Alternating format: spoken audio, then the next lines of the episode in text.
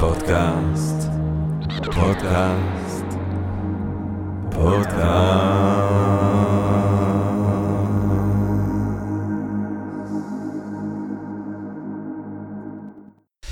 טוב, גבירותיי ורבותיי, ברוכות וברוכים הבאים לפודקאסט של Think and Drink Different, פודקאסט למי שאוהב לחשוב ולשתות. אני ג'רמי פוגל, ואנחנו רוצים קודם כל להודות לסמסונג נקסט תל אביב, קרן השקעות בתוכנה בשלבים מוקדמים, שמאפשרת לנו להקליט את הפודקאסט מהמשחק שלה בשרונה כחלק מתוכנית התמיכה בקהילת החדשנות והיזמות הישראלית. אה, והיום אנחנו רוצים לדבר על אחד מהנושאים אה, בעיניי היותר מרתקים אה, בהיסטוריה הגיאופוליטית העולמית, עלייתם ושקיעתם של מעצמות גדולות. אנחנו נתמקד במעצמה של ימינו בארצות הברית, אבל כמובן שזאת שאלה שנשאלת שוב ושוב ושוב בהיסטוריה של ההיסטוריה, או של ההיסטוריוגרפיה, למשל לגבי המעצמה הרומית, כן? איך פתאום איזשהו סוג של כפר באיטליה צומח לכדי המעצמה הגדולה והכבירה בהיסטוריה האנושית עד אז, ואז איך המעצמה הענקית הזאת פתאום שוקעת, פתאום היא מתפרקת, המעצמה האסטקית במרכז אמריקה, גם היא אחת מהמעצמות המרתקות בהיסטוריה העולמית. כמובן שהשקיעה של האימפריה העות'מאנית, עליה דיברנו באחד מהפודקאסטים, שמסבירה, בעצם היא התשתית למצב שלנו במזרח התיכון ובכלל. האימפריה הבריטית כמובן. שחוגגת לה במאה ה-19, not a place in the world where the, איך זה הולך? The sun doesn't rise, or the sun's always shining. never sets, the sun never sets on בריטניה. תודה רבה, the sun never sets באימפריה הבריטית, ועכשיו בעקבות הברקסיט עוד עלול להישאר מהאימפריה הזאת אפילו לא סקוטלנד וויילס ואירלנד, שבעיניי יכול מאוד להיות שבסופו של דבר גם הם יתנקטו ויישאר בסך הכל אנגליה. ואנחנו יודעים שהשמש שוקעת באנגליה כמו שצריך פעם ביום, כן, לפחות. אפילו לפעמים יותר. נכון. וכמובן שאחרי האימפריה הבריטית, מה שעלה לנו ונמצא לנו בפרצוף ברגעים אלה ממש, אבל אולי גם מתחילה לשקוע, היא, האמריק, היא, היא האימפריה, או המעצמה יותר נכון, האמריקאית. ואנחנו רוצים בעצם בפודקאסט שלנו היום לחשוב על עלייתה ואולי שקיעתה של המעצמה האמריקאית, וכדי לחשוב על הנושא הזה וללמוד על הנושא הזה, אנחנו לא היינו יכולים לצפות, לקוות או לבקש לאורח יותר מדויק למטלה שעומדת בפנינו מאשר דוקטור יואב פרומר, שהוא ראש המרכז של חקר ארה"ב באוניברסיטת תל אביב. בשיתוף עם פולברייט, מחקרו עוסק בהיסטוריה של אמריקה במאה ה-20 וה-21. ספרו החדש דנדש, שמרוב שהוא חדש דנדש, הוא רק בעצם יצא באפריל, The Moderate Imagination, יעסוק בשקיעה של הליברליזם האמריקאי וה-New Deal. גבירותיי ורבותיי, דוקטור יואב פרומר. תודה, זה קבלת פנים כזו, לא, לא הייתי יכול לבקש, משהו יותר טוב. תראה, אבל סיימנו עם הקשקשת, דוקטור יואב, סיימנו עם. התחלנו עם הקשקשת, אבל בסדר. סיימנו עם להיות נחמד ועם קבלות פנים. אנחנו כאן בפודקאסט, כפי שאולי אתה יודע, אוהבים לתקוף את הנושא שלנו ישר בווריד הצוואר, אז אני אשאל אותך מיד, מתי מבחינתך מתחילה עלייתה של המעצמה האמריקאית. אז, אז אני רוצה שנייה להתחיל, כי נתת כזה introduction יפה בהקשר של רומא. כן. ו, ולדעתי המייסדים האמריקאים, הם חשבו בדיוק מה שאתה חשבת, וכל הדוגמאות שאתה נתת על שקיעה של אימפריות, במיוחד רומא, ולפני זה גם אתונה, זה אולי היה החרדה העיקרית שלהם, שהם ניסחו את החוקה והם בנו באמת בשנים הראשונות, בשנות ה-70 וה-80 של המאה ה-18, והם חשבו כמוך, ועוד יותר מעניין, וגם תמיד שוכחים את זה, ש- שני ספרים מאוד חשובים יצאו ב-1776, שזו כמובן השנה שארצות הברית mm-hmm. נוסדה, עם הכרזת העצמאות האמריקאית ו- ותחילת המהפכה האמריקאית בבריטניה. אחד זה אדם סמית, Wealth of Nations, mm-hmm. נכון? שהוא בעצם סוג של התנ"ך של, של הפילוסופיה הקפיטליסטית. שכמובן אי אפשר להבין את ארצות הברית בלעדיה, אבל הספר השני ששוכחים, זה באמת החלק הראשון של אדוארד גיבנס. The Fall of the Roman Empire. בדיוק, והם קראו את זה, mm. וזה אחד מהדברים שהכי הטרידו אותם, כי הם ראו את עצמם כממשיכי דרכם באיזשהו מובן של היוונים, אבל בעיקר של הרומים, וכל מי שטייל באזורים של ניו אינגלנד ואפסטייט ניו יורק יודע שכל כך הרבה מהערים והמקומות זה על שם כל מיני, סירקיוז, קרת'ג', טרוי, זה הרי הכל מקומות מאגן הים התיכון, מהעולם העתיק, אה, ובאיזשהו מובן האמריקאים ראו את עצמם כמי שמייסדים מחדש, כי הרי אלו הדמוקרטיות האחרונות. אה, אז הם מייסדים את, מחדש את הדמוקרטיות העתיקות, אבל עם, עם הבדל אחד. איך אנחנו מייסדים דמוקרטיה בלי שהיא תקרוס על עצמה. והלקחים של רומא אה, ושל יוון זה משהו שליווה אותם מאוד קרוב, שהם, שהם יסדו את ארצות הברית ושהם ניסחו את החוקה. אה, אז, אז זה דווקא כן משהו אז ש... אולי תיתן לנו, תדבר איתנו קצת יותר, אני בדיוק מוודק פה כאן שאני לא טועה, אה, כן. בש- בספר המפורסם הזה של אדוארד גיבון, אה, The Decline and Fall of the Roman Empire, כן. מה, מה, מה, איזה, אם היית צריך לזקק או לחלץ מתוך החרדה הזאת, אה, אה, אה, שאתה אה, אומר שהיא ליוותה בעצם את כן. ה, ממש את הייסוד של, ה, של המדינה האמריקאית. אה, מה הם, מה, הם, מה הם חילצו מהספר הזה של גיבון, שהוא כמובן הקלאסיקה, זה כאילו, נכון. יש לומר, אה, זה, אה, במשך אה, עשרות שנים הספר הזה הוא, הוא ספר קלאסי אה, בתיאור אה, של נפילתה ושקיעתה של האימפריה הרומית. מה, מה, איך- מה הם לוקחים משם? איך מצד אחד מונעים מעלייתו של דיקטטור? כי זה מצד אחד, אנחנו- לא רוצים יוליוס קיסר. כן. ומי שקורא את החוקה האמריקאית, שזה מסמך נהדר, כמסמך ספרותי, בקונטקסט הזה, הוא גם מבין את זה, שמצד אחד, החשש הכי גדול הוא שקם לנו יוליוס קיסר, אה, ובגלל זה גם יש את כל המגבלות ב- על, אה, על הרשות המבצעת, נכון? על executive power, אה, שזה גם הסעיף השני, כלומר, החוקה נפתחת עם ה... עם ה-legislative power, נכון? עם, עם הרשות המחוקקת, כי שמה בעצם רוב הכוח, אה, וזה גם תפיסה דמוקרטית, שזה תמיד, נכון, הריבונות נתונה בידי העם, הרוב, ולא ב, בידי המנהיג. והם הם חשבו, אז איך אנחנו מצד אחד, We the people. with the people, איך אנחנו מצד אחד אבל מביאים ריבון, כי חייבים ריבון חזק. וצריך לזכור שה...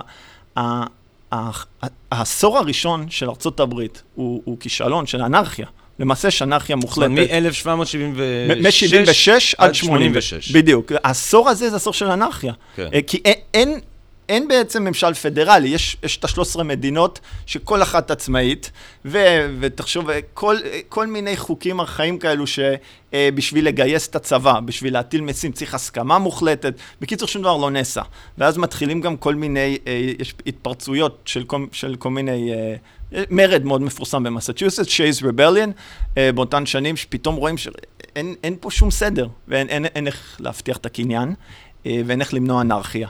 אה, וזה גם מה שבסוף מביא את הנציגים לפילדלפיה ב-1787 לאותה ועדה מפורסמת, שלה, ששם ניסחו את החוקה בעצם. זאת אומרת, אז רק שנייה, אז אולי, אה, הוועדה היא אולי מפורסמת בחוגים כן. שלך, אבל מה זה הוועדה הזאת ב-87? זה, זה, זה, זה מי שביקר בפילדלפיה ויש את הליברטי בל. אהה. אז בעצם מתכנסים שם נציגים מה-13 מדינות, אה, והם מבינים שמה שהיה עד אותו רגע, שנקרא The Articles of a Confederation, שזה איזושהי ברית מאוד רופפת, ש- כללית של... זאת אומרת, ארה"ב מתחילה עם הברית הרופפת הזאת, כן. ב-76, כן. ואז אחרי עשור הם אומרים, טוב, זה לא... זה לא עובד. זה לא מתפקד, זה לא עובד. בוא ננסח חוקה. בדיוק. וצריך ריבונות. כי, כי היה ברור להם, אי אפשר להבטיח קניין, אי אפשר להלוות כסף, היה חוב לאומי מאוד גדול אחרי מלחמת העצמאות האמריקאית, אה, אי אפשר לבנות אומה בלי ממשל חזק מרכזי.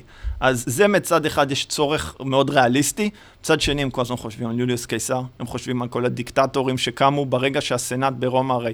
הם- שלפי גיבון אה, אה, בעצם סימלו את התחלתה של שקיעתה של כן, האימפריה כן, הרומית. נכון. אה, אז הם אומרים, איך אנחנו מצד אחד כן מבטיחים חוק וסדר, אבל מצד שני מונעים דיקטטור. אה, ואז זה האיזון הזה, וזה הכל בערך, זה גם אחר כך כל ה... משם גם מגיע המושג הרי של ה-checks and balances וכל המערכת הבלמים, שבעצם ה- ה- הרשות המבצעת מאזנת את הרשות המחוקקת, שמאזנת את המ- הרשות... המושג ה- הזה, checks and balances, זה כן. ממש מהתקופה ההיא? או זה אה, זה דרך מודרנית יותר לתאר את זה מה שהיה אז? דרך מודרנית, אני חושב שגם מונטיסקיו, כלומר, יש את זה כבר כן. לפני זה, הרי בפילוסופיה כן. במאה ה-17 כן. של הנאורות, אבל הם, כלומר, הם כולם היו חסידי הנאורות, הם כולם קראו את מונטיסקיו, הם ידעו את כן. את ואת לוק רוסו. כמובן. את לוק כמובן, אה, את אדם סמית וכדומה. אז אה, בכל אופן, אז זה מצד, מצד שני, אבל איך מבטיחים את שלטון הרוב, ואיך מבטיחים דמוקרטיה. אז, אה, אז החוקה היא... היא איזשהו סוג של ניסיון לאזן את זה, וניסיון די גאוני, אגב, בסופו של דבר, כי הוא עבד. אה, וגם, אה, אוהב את אוהב את לשון העבר. אה, טוב, אוקיי, אנחנו נגיע, אנחנו נגיע עם... שאלה טראמפ, טובה, אה, שאלה מוציא את טובה. זה מאיזון לגמרי. שאלה טובה. ב- ב- בהמשך, כן. אבל, אז את אומרת, לפחות זה עובד במשך אני חושב שזה עדיין עובד. יש, כן. והגאונות פה היא הגמישות, נכון? אנחנו קוראים לזה תמיד living constitution, שזה גם, זה יוצר ויכוחים הרי בין משפטנים, של בסוף, אחד מהוויכוחים הגדולים וגם ההצלחות הגדולות של שמרנים מאז שנות ה-60, זה לבוא להגיד, רגע, רגע, רגע, ה-constitution is not living, זה מסמך, וצריך לכבד אותו כמו שהוא, מה שנקרא ש- כלומר מקוריות, שצריך כן. לקרוא כמו שהם התכוונו. ולמשל, היום שאנחנו רואים בחדשות את כל הוויכוחים על נשק, נכון? על התיקון השני, the כן. right to bear arms. כן. אז אנשים שאומרים, לא, לא, זה מה שהם כתבו כן. לפני, כמה זה כבר 200 ומשהו שנה, ככה צריך. אבל שבצד שני, אז אני, אני זוכר נכון, כתוב well armed מילישה. נכון. אני הייתי רוצה לראות מילישה עם טנקים ופצצות אטום מסתובבת להם בטקסס, כאילו, מעניין אותי עד אל כמה זה... תיתן להם רעיונות, כן, קודם כל. לא, אבל... מעניין עד כמה זה יעבור את ה- ה-originalists. אה, האמת היא, אם תיתן להם- את האפשרות, זה הרי קרה. בשנות ה-90, שהם היו, אחרי סיום מלחמה הקרה, אה, הרי הבעיות הכי גדולות שהיו לארה"ב פנימיות, אם אם אתם זוכרים, זה זה בעצם זה דיוויד קורש, כן. אה, רובי רידג' אה, וכמובן אוקלהומה סיטי. כן. הפיגוע שם, וזה הכל היה על כל מיני כתות או מיליציות שבעצם אגרו נשק. אה, אה, דיוויד קורש בווייקו, טקסס, הם פשוט, הוא אגר מכונות עירייה. כן. ה-FBI בסוף נאלץ, נאלץ להתערב, כי פתאום יש בו גוף שהוא לא ממשלה, שהוא צובר אמצעי לחימה, שמאיימים על הריבונות ש- של כן. הממשל. זה בסוף כן. מה שגם הביא לעימותים ונהרגו שם אנשים הרי, זה היה קטסטרופה גם, גם אנושית, גם פוליטית, זה... אה, אבל, וכל זה גם היה השתלשלות של שינוי במדיניות הנשק שקלינטון ניסה ליישם. קלינטון מעביר ב-1994 חוק מאוד חשוב, הוא חטף על זה גם הרבה ביקורת, כי זה גם כלל אה, החמרה. Mm. של, של חוקי סמים, שגם השפיעו לרעה מאוד על אפרו-אמריקאים, ומיליטריזציה של, ה, אה, כן, של והיו המשטרה. תיאורים קצת גבוליים מאוד לגבי הפשע באינוסיטי בתקופה נכון, הזאת. כן. נכון, אה, אבל בסוף גם קלינטון, לזכותו ייאמר, הוא אסר, אסולט רייפל בן, הוא אסר על מכירה של כל ה-M16 האלו, והקלצ'ניקובים שאנחנו רואים בשנים האחרונות, בכל הפיגועי ירי הנוראים האלו. אה, בקולומביה, נכון? בסארט קרוליינה ובלוס וגאס ובאורלנדו והרשימה בסן ברנרדינו ממשיכה וממשיכה למרבה הצער. אז אני, אז אני, אם אני, אם אני מסכם בעצם את, התשובה שלך, אתה אומר, תראה, ה- אה, אה, ה- ה- מכונני הממשל או המשטר אה, האמריקאי, המייסדים, the founding fathers, אה, אבות המדינה האמריקאית, קראו יפה מאוד את uh, uh, The History of the Decline and Fall of the Roman Empire של, uh, uh, של, uh, של גיבון, מודעים מאוד שמה שהם מנסים להקים מההתחלה זה בעצם מעצמה, ומודעים שכדי לשמר את המעצמה הזאת צריך ליצור uh, ממשל שהוא גם ריכוזי וחזק, אבל גם גמיש וליברלי במובן הזה שהוא מגן על תושבי המושבות החדשות האלה. אה, אה, מפני, דיט... מפני דיקטטוריה. אז אם נחזור גם לשאלה, אתה חושב שזה הרגע שבו אמריקה הופכת למעצמה? הרי באותה תקופה ה experiment הזה היה יכול עוד להיכשל. זאת אומרת, נכון. אז היא לא מעצמה, אז היא איזשהו אתה סוג של... צודק, אתה צודק לחלוטין שזה experiment. והם כן. מבינים שזה experiment, וזה גם משהו נורא נועז, נכון? וחדשני. אני גם הייתי אומר שגם פוליטית, המייסדים הם אולי כמה מהחדשנים הכי חשובים בהיסטוריה. הם הבינו את זה, ו... וכלומר, היה סיכוי טוב שזה ייכשל, צריך לזכור, כלומר, זה שהם מצליחים לנצח את בריטניה, אה, ניחא, אבל הש- השנים הראשונות הן מאופיינות, חוץ מבקשיים כלכליים וחובות, אבל גם צפון אמריקה היא עדיין נשלטת בעיקר על ידי אה, בריטניה, אה, על ידי צרפת. אה, ספרד אפילו, עוד בכמה שנים ראשונות, ו- וכאילו, לא הייתי מהמר בוא, בוא, על ארצות נראה, אז הברית. בוא, בוא נראה שנייה את המפה של כן. ארצות הברית הזאת שקמה לה ב-76 או אפילו ב-87. כן. הצרפתים עדיין אה, בקנדה בצפון. אה, הם איבדו את קנדה, נכון? הם איבדו את קנדה ב-1759. הבן כתבו על זה שיר נורא יפה, אני פשוט אוהב את הבן. אה. בטח. Acadian Driftwood קוראים לשיר, אה, לא אוקיי. משנה, אני גולש. אה, אבל לואיזיאנה, נכון, לואיזיאנה עדיין, כן, כן. היא עדיין של הצרפתים, ופלורידה של, הספרדים, כל טקסס, קליפורניה, זה הכל שייך לספרד. הרי כמקסיקו בעצם רק בתחילת המאה ה-19 יש את המהפכה שהם מסלקים את הספרדים. אה, אז יש לך גם בריטים, כל קנדה, כל עמק אוהיו, מה שהיום, אה, זאת אומרת, הבריטים עוד בקנדה. כן, לחלוטין. כן. קנדה- הם גירשו את הצרפתים. אה, הם גרשים את הצרפתים, כן, במלחמת שבע שנים, לפ... לפני שארצות הברית נוסדה, uh-huh. והאמריקאים עוזרים לבריטים מן הסתם, uh-huh. ג'ורג' וושינגטון נלחם שם. ו...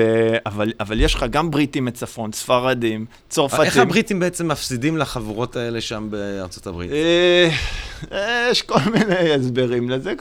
קודם כל, הבריטים בשלב הזה כבר הם באמת פרוסים, אל תשכח, זה גם אנשים שהם כובשים את הודו כן. אה, ודרום אפריקה, אה, אבל גם, שוב, אמריקאים זה סיפור אחר, כי לא הייתה את העוינות, ולא היה, לא היה פה סיפור קולוניאלי כן. בסוף, וגם לא היה את העניין הגזעי כן. של לשעבד את, נכון, מישהו עם צבע אחר, כן. שגם היה הרבה יותר קל להצדיק מלחמות, כן. לפח, בכלל באירופה, אבל שזה היה באפריקה או באסיה, מאשר האמריקאים שהם בעצם הם בריטים. כן. נכון? בסוף בריטים הם נוצרים, כן. אתה לא יכול לבוא ו- ולבוא ולהגיד שאנחנו כובשים אותם לטובתם. פרוטסטנטים. פרוטסטנטים רובם. אה, אבל באמת, אבל השנים הראשונות של ארה"ב הן, אה, הן מאוד קשות, ואם מישהו היה צריך להמר, כמו שאמרת, לא, לא, הוא לא היה מהמר על זה שארצות הברית באמת uh, תפרח ותצליח, ואני, והיחידים בעצם שהבינו את זה, אתה שואל מתי ארצות הברית הפכה למעצמה, uh, היא הפכה למעצמה בעיני עצמה ברגע שהרעיון הזה נוסד, נכון? ובאמת, uh, ברגע שהמיישבים הראשונים הגיעו לארצות הברית, תחילת המאה ה-17, אנחנו מדברים על כל המיתוסים של פלימת רוק, והמייפלאואר, הספינה עם ה... אולי, מה זה המיתוס של פלימת רוק? זה לא מיתוס, הרי בסוף המהגרים הראשונים, הפילגרימס, כן. אה, כל החג ההודיה. אה, יפה, זה גם דרך לקרוא להם ככה, מתנחלים. אה, הם לא ראו את זה כמובן כהתנחלות, הם ראו את זה כ... מה, הם גם קוראים לעצמם סטלרס, לא? סטל ווסט וזה, ו... אוקיי. מתיישבים. זה גם מעניין, אבל נכון שהם רואים, הם ראו את עצמם באמת ניגשים למה ש... שהם קראו Virgin Lands. כן. נכון, זה שחיו שם מיליוני Native Americans ואינדיאנים, אבל זה גם, זה, זה מעניין גם התפיסה, זה לא רק בכלל המתיישבים, הרי המשטרים הקולוניאליים האירופאים שנכנסו לאפריקה ולאסיה, הם ראו לזה uh, liberating the כן, lands, נכון? כן. לא conquering, למרות כן. שיש שם אנשים שגרים שם. white man's burden, אנחנו, נכון. המחויבות שלנו זה לבוא לעזור להם בזה שאנחנו נכון, uh, נכון. משעבדים אותם. נכון. כן. Uh, הם כמובן לא ראו את זה ככה, אבל בדיעבד. Uh, uh, אז הם, uh, המתיישבים הראשונים, שגם הם מגיעים ל... ל אדמה בעצם שאין שם כמעט אנשים, זה, זה גם האזורים של פרלימת uh, רוק זה ליד בוסטון, נכון? אז זה האזורים של מסצ'וסטס, uh, ששם הם המתיישבים הראשונים, לצד התיישבות בווירג'יניה שהיא קצת שונה באופייה, זה, זה סוגים, שם יש צ'רטר של המלך הבריטי וזה, לא ניכנס לזה עכשיו, זה מיזמים קצת שונים, אבל באמת אותם פוריטנים, אנשים של, שהם פילגרים, שהם באמת, קודם כל הם uh, נרדפים מבחינה דתית באירופה, אז הם באמת כן מחפשים חופש דתי. אה, ואז... באיזה, אז באיזה שנה, באיזה שנה זה... אנחנו זה, מדברים זה... פה על, על, על, על שני העשורים הראשונים של המאה ה-17. אז ב-1600 ומשהו כן. מתחילים באמת להגיע אה, כן. אה, אותם... ג'יימסטאון, פלימת רוק, כן. ומה הם חושבים שהם עושים שם? זה עוד לפני בעצם האידיאלים שתיארת של constitution. אבל הם כבר ברגע הזה, וכאן לכן פה אני חושב שהתשובה היא, מצד אחד, אם אנחנו כהיסטוריונים מסתכלים על... Uh, מתי ארה"ב עלתה לגדולתה, אז אפשר להצביע על נקודות בזמן, שבעצם מבחינה גיאופוליטית היא הופכת מעצמה, זה יכול להיות 1898, שהיא כובשת למעשה את הפיליפינים בקובה, כן. במלחמה מול ספרד, יש אנשים שמצביעים מלחמת העולם הראשונה, מלחמת העולם השנייה. אני זוכר שבתיכון, אגב, אמרו לנו, אחרי מלחמת העולם הראשונה. אוקיי, זה גם, זה, כן. זה, זה לגיטימי. זה תחנה לגיטימית. כן, אני, כל אלו זה בסוף אבל לגיטימי. בד, אבל בדמיון, אתה אומר, זה כבר שם. אבל בדמיון, זה, זה הכי מעניין. בדמיון של המייסדים, זה כבר היה לפני שהייתה אמריקה, היה ברור ש... זה משהו מיוחד, לפחות בעיני עצמם. זאת אומרת, אבל אנחנו, אתה אומר את זה על בסיס ממש של כתבים ושל כן, הוכחות היסטוריות של מה האנשים האלה חשבו שהם עושים? ג'ון ווינת'רופ, ג'ון ווינת'רופ הוא המושל הראשון של מסצ'וסטס. כן. אה, נכון. והוא מושל מטעם המלכות הבריטית. כן, כן, זה עדיין אנחנו כן. פה, אנחנו לחלוטין תחת המלך. לא, זאת אומרת, הם היו יכולים לחשוב שמה שהם עושים זה להרחיב את תחומה של המלכות הבריטית. אבל הם לא ראו את זה ככה. הם, אה, שוב, אולי מבחינה פוליטית וחוקתית הם עדיין היו אזרחים בריטים, אה, ובשנים האלה הם מאוד כיבדו את המלך, רובם.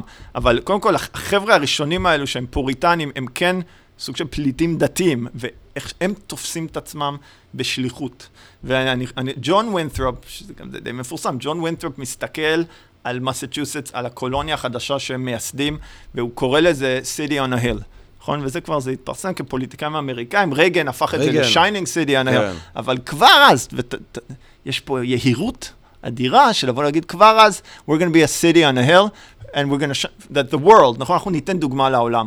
וגם, וכבר זה אנחנו יודעים מהכתבים שלהם, הם, בגלל ההקשר הדתי, הם משווים את עצמם לבני ישראל. הם מדברים בשפה מה- מה- מהתנ"ך היהודי. האקספציונליזם האמריקאי, נכון, בט- בעצם. שהוא דומה לאקספציונליזם היהודי, העם נבחר, האקספציונליזם האמריקאי, we're the greatest country on earth, the unique American experiment, וזה, זה כבר מתחיל אז. באותו הם רואים כן. את עצמם the new Israelites, ממש, הם רואים את החצייה של האוקיינוס האטלנטי, כמו בני ישראל חוצים את, אה, את המדבר. כן. נכון? And they're getting to the promised ומה land. הם חושבים, ש... מה, מה בדמיון שלהם הולך לקום שם?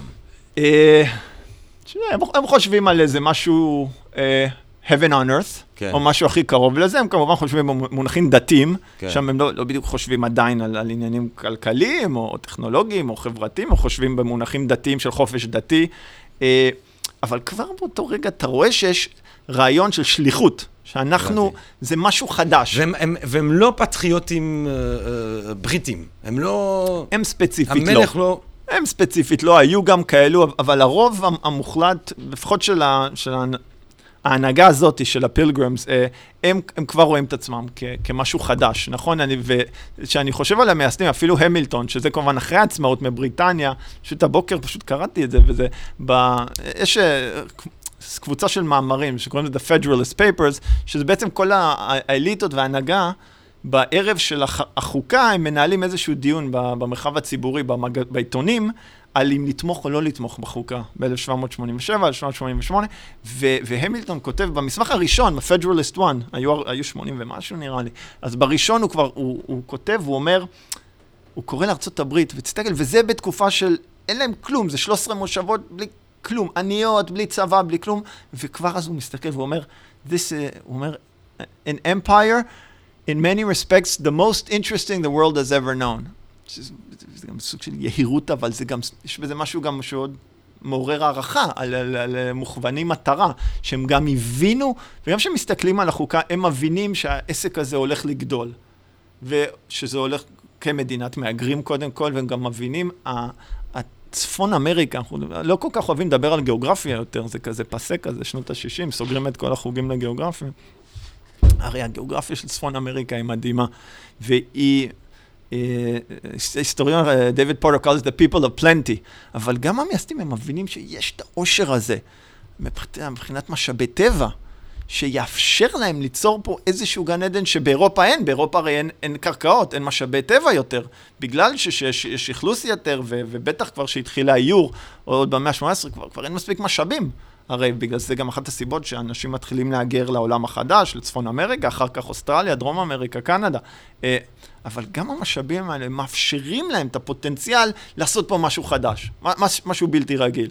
אה, אז, אז קודם כל בדמיון האמריקאי, אני כבר מתחיל מההתחלה עם הג'ון ווינת'רופ הזה, שהוא מסתכל ו... וצריך לזכור, העשרות שנים הראש, הראשונות, אפילו המאה שנים, זה, זה, המצב שם היה נוראי. כלומר, היית צריך להיות משוגע לעזוב את לונדון, או, או פלימת' או מנצ'סטר, שזה ערים יחסית בעולם המודרני של אז, הערים הכי מודרניות, לעזוב אותם לספר הזה של אמריקה, שהיו מתים שם על ימין ועל שמאל ממחלות ומרעב. נכון? למה חוגגים עד היום את תנקסגיבינג? כי האינדיאנים בסוף הצילו אותם, נכון? זה המיתוס, שהם לימדו אותם באמת איך לגדל את התירס שם, שלא ימותו מרעב. אה, אבל החוויה הייתה נוראית, אז קודם כל צריך גם את האמונה הזאת, האמונה הדתית, אבל גם את האופטימיות.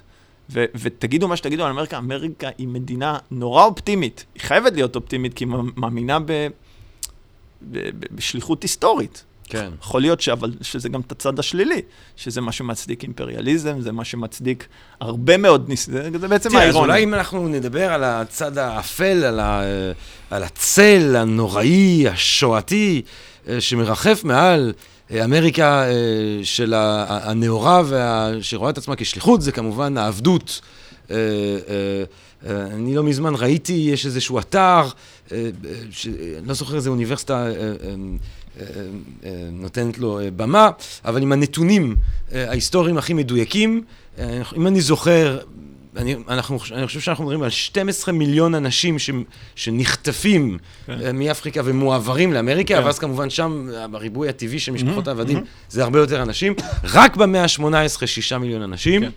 אה, אני חושב שעד היום אנחנו לא מספיק מדגישים אה, אה, בשיח שלנו אה, אה, העולמי, עד כמה שהדבר הזה מזעזע. אני זוכר שראיתי את 12 Years a Slave, הסרט המדהים, כן. שיצא לפני איזה כמה שנים, אה, על עבדות, ואתה רואה את זה, אתה אומר, טוב, סוף סוף סרט שואה, כי זה מה שזה, זה שואה, וכל בית אה, בדרום זה מחנה ריכוז. ואני הייתי עם חבר וקצת צחקקנו בצורה קצת צינית, אבל אמרנו, מה היית, על, מה היית, על מה אתה הולך? על להיות יהודי ב-39 באירופה, שאולי סטטיסטית הסיכויים שלך למות הם קצת יותר גדולים, אבל אם אתה שורד את השש שנים הקרובות, אז אתה סיימת עם זה, מאשר להיות עבד שנולד אל תוך עבדות, ולא משנה מה, אתה תוכל לחיות עד מגיל 120, אתה תמוד אל תוך עבדות, והילדים שלך יהיו עבדים, ואם יום אחד מוכרים לך את הילדים, אתה לא תראה כן. אותם יותר, גם אם הם 20 קילומטר ממך. כן. זאת אומרת, עם כל הדיבור על City on the Hill, ועל נכון. Constitution, וה-We the People, ג'פרסון שכותב אז... All men were born equal, נכון. שכר באנשים. אז אני, אני חושב ש... אז מה המקום בעצם של הדבר הנורא הזה, של העבדות הנוראית הזאת, בהצלחה? אה, של אמריקה אה, ליצור, להפוך למעצמה עולמית? אז קודם כל, צריך להודות, וזה גם אחת מהבעיות של הדיון בארצות הברית, החוסר יכולת או חוסר נכונות של חלק מהאמריקאים להתמודד עם העבר. אה, אבל בסוף הרי, זה, זה נכון, זה, it goes both ways. מצד אחד, יש אנשים שרואים את ההיסטוריה האמריקאית כהיסטוריה של טרור גזעני נגד אפרו-אמריקאים, וש... טוענים על זה שזה מבטל את, את ג'פרסון, כמו שאמרת. שאיך אנחנו יכולים לכבד את ג'פרסון? אה, או כל המייסדים, לא רק ג'פרסון, תכלס. כן. בטח כל האלו מווירג'יניה, כל הכלכלה של וירג'יניה, אז הייתה תלויה ישירות או בעקיפין בעבדות. אה, אז, אז איך אנחנו יכולים לכבד אותו אם הוא כזה צבוע? ושוב, אבל בסוף אני חושב שצריך להבין אה, לא רק את ה context ההיסטורי, אה, ארה"ב יש לה dark side. אה, אני, אני לא אוהב את ה... אני לא חובב כזה גדול של ז'אנר מלחמת הכוכבים, אבל אני כן אוהב את האנלוגיה הזאת של, יש, יש את side, אה, וצריך להיות מודעים ל-dark side, וה-dark side של ארה"ב הוא, הוא קודם כל הוא גזע. גם, אה, גם עם ה-native Americans, גם עם נשים, נכון. אה, אבל קודם כל גזע. וזה משהו שהוא constructed, כלומר הוא נוצר, והוא נוצר מההתחלה באופן מאוד מחושב, כי הוא קשור גם להתפתחות הכלכלית, יותר מאוחר הוא קשור גם לקפיטליזם, לתיעוש. אה, אני פשוט אתן דוגמאות. אה, בראש ובשנה היה צריך, בתחילת המאה ה-19, שהתחילה המודרניזציה והמעבר לטיוס, היה צריך אה, לשבור את האיגודי עובדים. היה צריך למנוע התאגדויות של עובדים. אה, בטח בדרום, אחד מהדברים הכי, למרבה הצער, מוצלחים, ש, שבמיוחד בדרום הם עשו, זה ליצור whiteness, נכון? ה-consciousness of whiteness, המודעות והתודעה של, של אני בן אדם לבן. זה לא, אנשים לא נולדו עם זה, זה, זה לא מובן מאליו שאירים ושוודים אה, יחשבו על עצמם כחלק מאותו... אה, תמיד מצביעים על הדוגמה של האירים, כי האירים שהגיעו בשנות ה-40 וה-50 של המאה ה-19, הם נחשבו כשחורים. כן, חלקם היו, ממש היו, היה תופעה של עבדים אה, אירים, לא פה ושם. זה indentured servant, זה יותר, כן, כן, כן, שועבדים, בגלל כל מיני חוזים כאלו שמימנו להם את ההפלגה לארה"ב, אבל יש תמיד, יש איזשהו...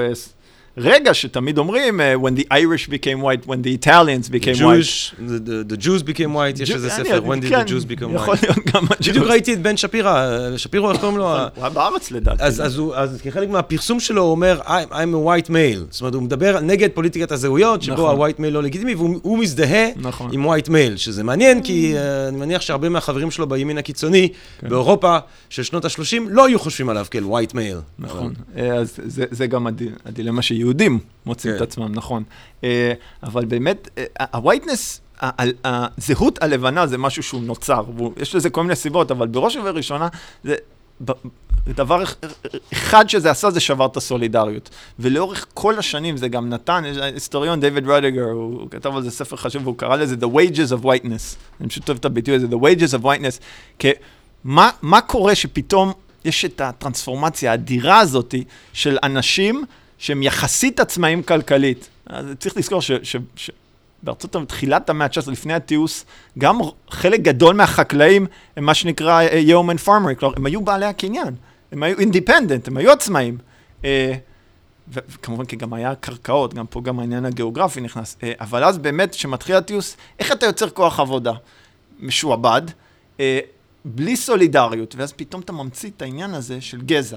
ומה זה עושה? זה קודם כל זה מאפשר לך לשבור, במיוחד בדרום, את, את האיגודי עובדים, כי בתחתית, תחתית, תחתית שרשרת העובדים זה תמיד אפרו-אמריקאי, שעד זאת הם היו עבדים, אנחנו מדברים, אבל גם בצפון. גם בצפון, ששם לא, לא היה עבדות, אבל כן, היית צריך למצוא דרך. ממתי אין עבדות בצפון? בעצם. אה, זה תלוי, הרבה, זה בהדרגה ביטלו את זה, אבל ברוב המדינות פשוט לא- שאלה טובה. בכל מדינה זה, זה אחרת, אבל רק בגלל המבנה הכלכלי, אז, אז העבדות הייתה בכמויות הרבה יותר קטנות, וגם כשהם היו, זה, זה, היה, נגיד, זה היה סוג אחר, זה לא היה הרי ה-plantation slavery, כן. שזה מה שראית ב-12 כן. 12 Years a Slave, זה, זה בעיקר בדרום, בדרום. מיסיסיפי, וירג'יניה, אלבמה, ג'ורג'יה. אה, וגם גם, ה- ה- כלומר, העבר של העבדות בצפון זה גם משהו כזה, אנחנו תמיד, גם אני קיסון, לפעמים אנחנו לא מתעלמים, אבל זה מתחת לרדאר באמת. כן. אה, אז גם שם זה היה מאוד חמור, אבל זה תמיד היה שונה, וגם המבנה הכלכלי שם, אה, הוא פשוט, זה לא היה כל כך הכרחי, והם גם מבטלים את זה הרבה לפני, הבנתי. אה, מלחמת האזרחים. אז בכל מקרה, אז פשוט הדרך הזאת שמשתמשים בגזע ויוצרים אותו, גם לשבור כוח עבודה, אבל גם לתת לכל אותם עניים, במיוחד בדרום, איזשהו, אתה צריך לתת להם זהות, ואתה צריך לתת להם הצדקה, כי בסוף דופקים גם אותם. ואתה יודע מה, זה משהו שהוא הוא בעיניי מדהים, כי עד היום, אם אתה, אה, כשאתה מנסה להתקבל לכל מיני מלגות או לכל מיני תוכניות באקדמיה האמריקאית, אז יש רייס. כן. כאילו שאלה לגיטימית. עכשיו, אני חושב שראוי אה, אה, אה, להדגיש שוב שעצם המושג רייס, שהוא מתפתח אה, אה, במאה ה-18, הוא מדע מוטה, הוא מדע מזויף. אין בעצם הבדל של גזעים בין בני אדם. זאת אומרת, מישהו שנולד באתיופיה, הוא לכאורה צריך לענות על רייס, אותה תשובה של מישהו שנולד במערב אפריקה, בניגריה, למרות שמבחינה אתנית הוא הרבה יותר קרוב למישהו שנולד בתימן. עשר קילומטר ממנו. כן. אז, אז, אז אין, ב- אין, עצ- זאת אומרת, זה לא רק שגזענות היא מוטית בגלל שאסור להפלות על בסיס של גזע, היא מוטית בצורה הרבה יותר יסודית בכך שאין בכלל גזעים. יש רקע אתני, של כל אחד מאיתנו יש רקע אתני שונה, אבל אין בכלל כזה דבר, גזעים. אחת מה... לא יודע אם זה טרגדיות, אבל כן, אח- אחד מהדברים היותר מבישים, אני חושב, של, של הקהילה המדעית. בכלל, גם באירופה, אבל גם בארצות הברית ודאי, סוף המאה ה-19, תחילת המאה ה-20, אחרי דרווין, כולם פתאום מאמצים את הגישות ה-quack, quackery כן. האלו, נכון? ויש כל מיני, שכחתי כבר את השמות, אבל המציאו כל מיני אסכולות מדעיות, שלמדו אותם בבתי ספר לרפואה, לבתי ספר מדעי החיים, על דברים של, שכחתי איך קוראים לזה, שהיו מודדים. לא, כן, שמ- כבר. לא, שמודדים, כן, שמודדים את ה... איך קראו לזה? קורא יוג'ניקס, זה, כן, כן. זה בעצם זה כן. חלק יש איזה מיוג'ניקס. איטלקי אחד ש... אולי זה שמו. פרנ... לא זה פרנסיס, משהו מוז... ש... שהגודל של ה... כן, הגודל של והיו ככה, הגולגולת. ואז החליטו שאפריקאים הם יותר נחותים, או אסיאתים יותר נחותים, כי הגולגולת זה כן. גודל אחר, וככה הצדיקו את הלבנוס. באמת, גם המדע טוב, לק- וגם לקח חלק. אצלנו יש את האף. נכון, נכון, נכון, והנאצים השתמשו בזה, אבל גם, זה, זה, זה גם הסילוף הזה הרי, של ההשחתה מוחלטת של המדע, כן. להצדיק אי שוויון פוליטי, גזענות, אי שוויון אה, כלכלי, אה, בגלל שאתה צריך את הלגיטימציה הזו. אז היה, היה את הלגיטימציה הדתית, שהרבה שנים, והרי כלום, בין כל האירוניות, כי בסוף ארה"ב זה, זה סתירה אחת גדולה. כמו שאמרת הרי, שהתחלנו עם ג'פרסון, איך אתה יכול להגיד All men are created equal ולהחזיק בעבדים? אז זה הסתירה הזאת, בכל הברית זה סתירה. אה, וזה, זה מהדברים החיוביים, אבל יש גם את הדארק סייד. ולפחות אני חושב שהדבר הכי חיובי שקרה בכלל, לאורך המאה ה-20, אבל בטח מאז שנות ה-60, זה היכולת להתמודד עם ה dark side. ואתה יודע, זה- להתבונן אחורה. להתבונן לאחורה ולעשות איזשהו introspection. ו... ואני חייב להגיד שבעניין הזה, אה, יש איזה שהם תהליכים מסוימים שמתחילים לקחות סביב העניין של, ה... של העבדות. אה, אבל אפילו אני זוכר את ה speech, אחד מה speech ים המכוננים הראשונים של אובמה, שהוא מדבר, This nation starts with the pioneers going west and the slavery, וה- והוא ציין את הילדים ב- ב- ב- ש- שעבדו אה, אה, כן. במפעלים וזה וזה, אבל הוא לא, אפילו הוא לא ציין את, ה, את ה natives Mm. אה, שהיו שם. זאת אומרת, אפילו לא, אובמה, אה, הדבר הזה עדיין חרג. מה, מהשיח, למרות שאנחנו רואים סביב ה Columbus Day, שכן יש איזושהי נכון. עמדה ציבורית שאומרת בעצם קולומבוס הוא... אה, בסוף הפוליטיקה של הזהויות בארצות הברית, אה, אם, אם נהיה קצת ציניים, אבל זה גם, זה, זה גם איזושהי תחרות בין הקבוצות, המיעוטים השונות, על, הרי כי זה לא רק recognition, זה לא רק אה, המודעות החברתית, אבל יש לזה גם השלכות מוניטריות. כן. של, של, של, של מלגות, של, של כסף, של כן. משאבים. ו... אליזבת וורן, פוקהונטס. ש- אליזבת וורן, כן, אה, נכון. אה, תראה, בינינו, לעומת האנס הכתום הזה, אה, המשוגע, האננס הזה, אז היא- היא- היא היא- היא מלא- היא מלאך צח וטהור, אבל כן, אתה יודע, כמישהו שנמצא באקדמיה, זה צורם. זה שהיא אישה לבנה עם עיניים כחולות דורות דורות אחורה, באה וטוענת להיותה Native American כדי לקדם את עצמה, והיא קידמה את עצמה ככה באקדמיה, זה נכון, אני- אני לא רק- מגניב, זה לא רק- מגניב. זה לא טראמפ, אבל זה לא נכון, מגניב. קודם כל היא התנצלה על זה, ואני מסכים מההתחלה, זה, זה, זה צורם. אה, התנצלה על זה, אה, אבל אני כן רק אגיד ש... כלומר, אה, היא, היא באה מאזור אוקלאומה. אנחנו ראינו, נגיד, אליזבת וורן היא בין המובילות כן. במרוץ למועמדות הדמוקרטית נכון. לבחירות של 2020. כן. אישה לבנה לכל הדעות, אה, אה, בלונדינית, עיניים כחולות, ארית לחלוטין, אבל אוקיי. אה, הייתה אה, בכל מיני מוסדות אקדמיות על תקן אוקיי, הנייטיב האמריקאית. לא, אבל בסוף זה, אולי, היא אי אפשר להגיד שהיא התקבלה בהתחלה, כן. זה, אבל היא בסוף היא הגיעה להרווארד כי, כי אה, היא משפטנית בטוח שהיא אה, אדירה. משפטנית אדירה, לא כן. אבל כן.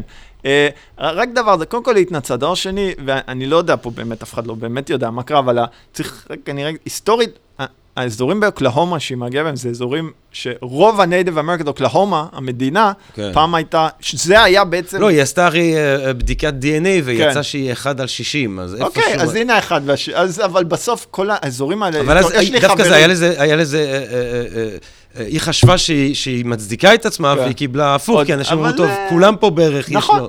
אבל, אבל זה בדיוק זה, שנגיד, גם ספציפית נגיד תובל באוקלהומה- רוזנבסר, הוא רוב הסיכויים 1.60 אה, שיין. אה, אבל האמת, יש בזה משהו, אה, יש, לי- יש לי חבר אה, מפנסילבניה שהוא מאוד ווספ, מאוד בלונדיני, ארי, עיניים כחולות כן. וזה, והוא גם עשה את הדבר הזה, זה, זה טרנד, נכון לעשות, ופתאום מצאו שמירי, ואיטלקי, וכל מיני, ואפרו-אמריקאי, אבל כן. כי, כי איפשהו הרב תרבותיות האמריקאית אה, לאורך ה... לא יודע כן, כמה דורות המשפחה. שלו, כולם כבר כולם.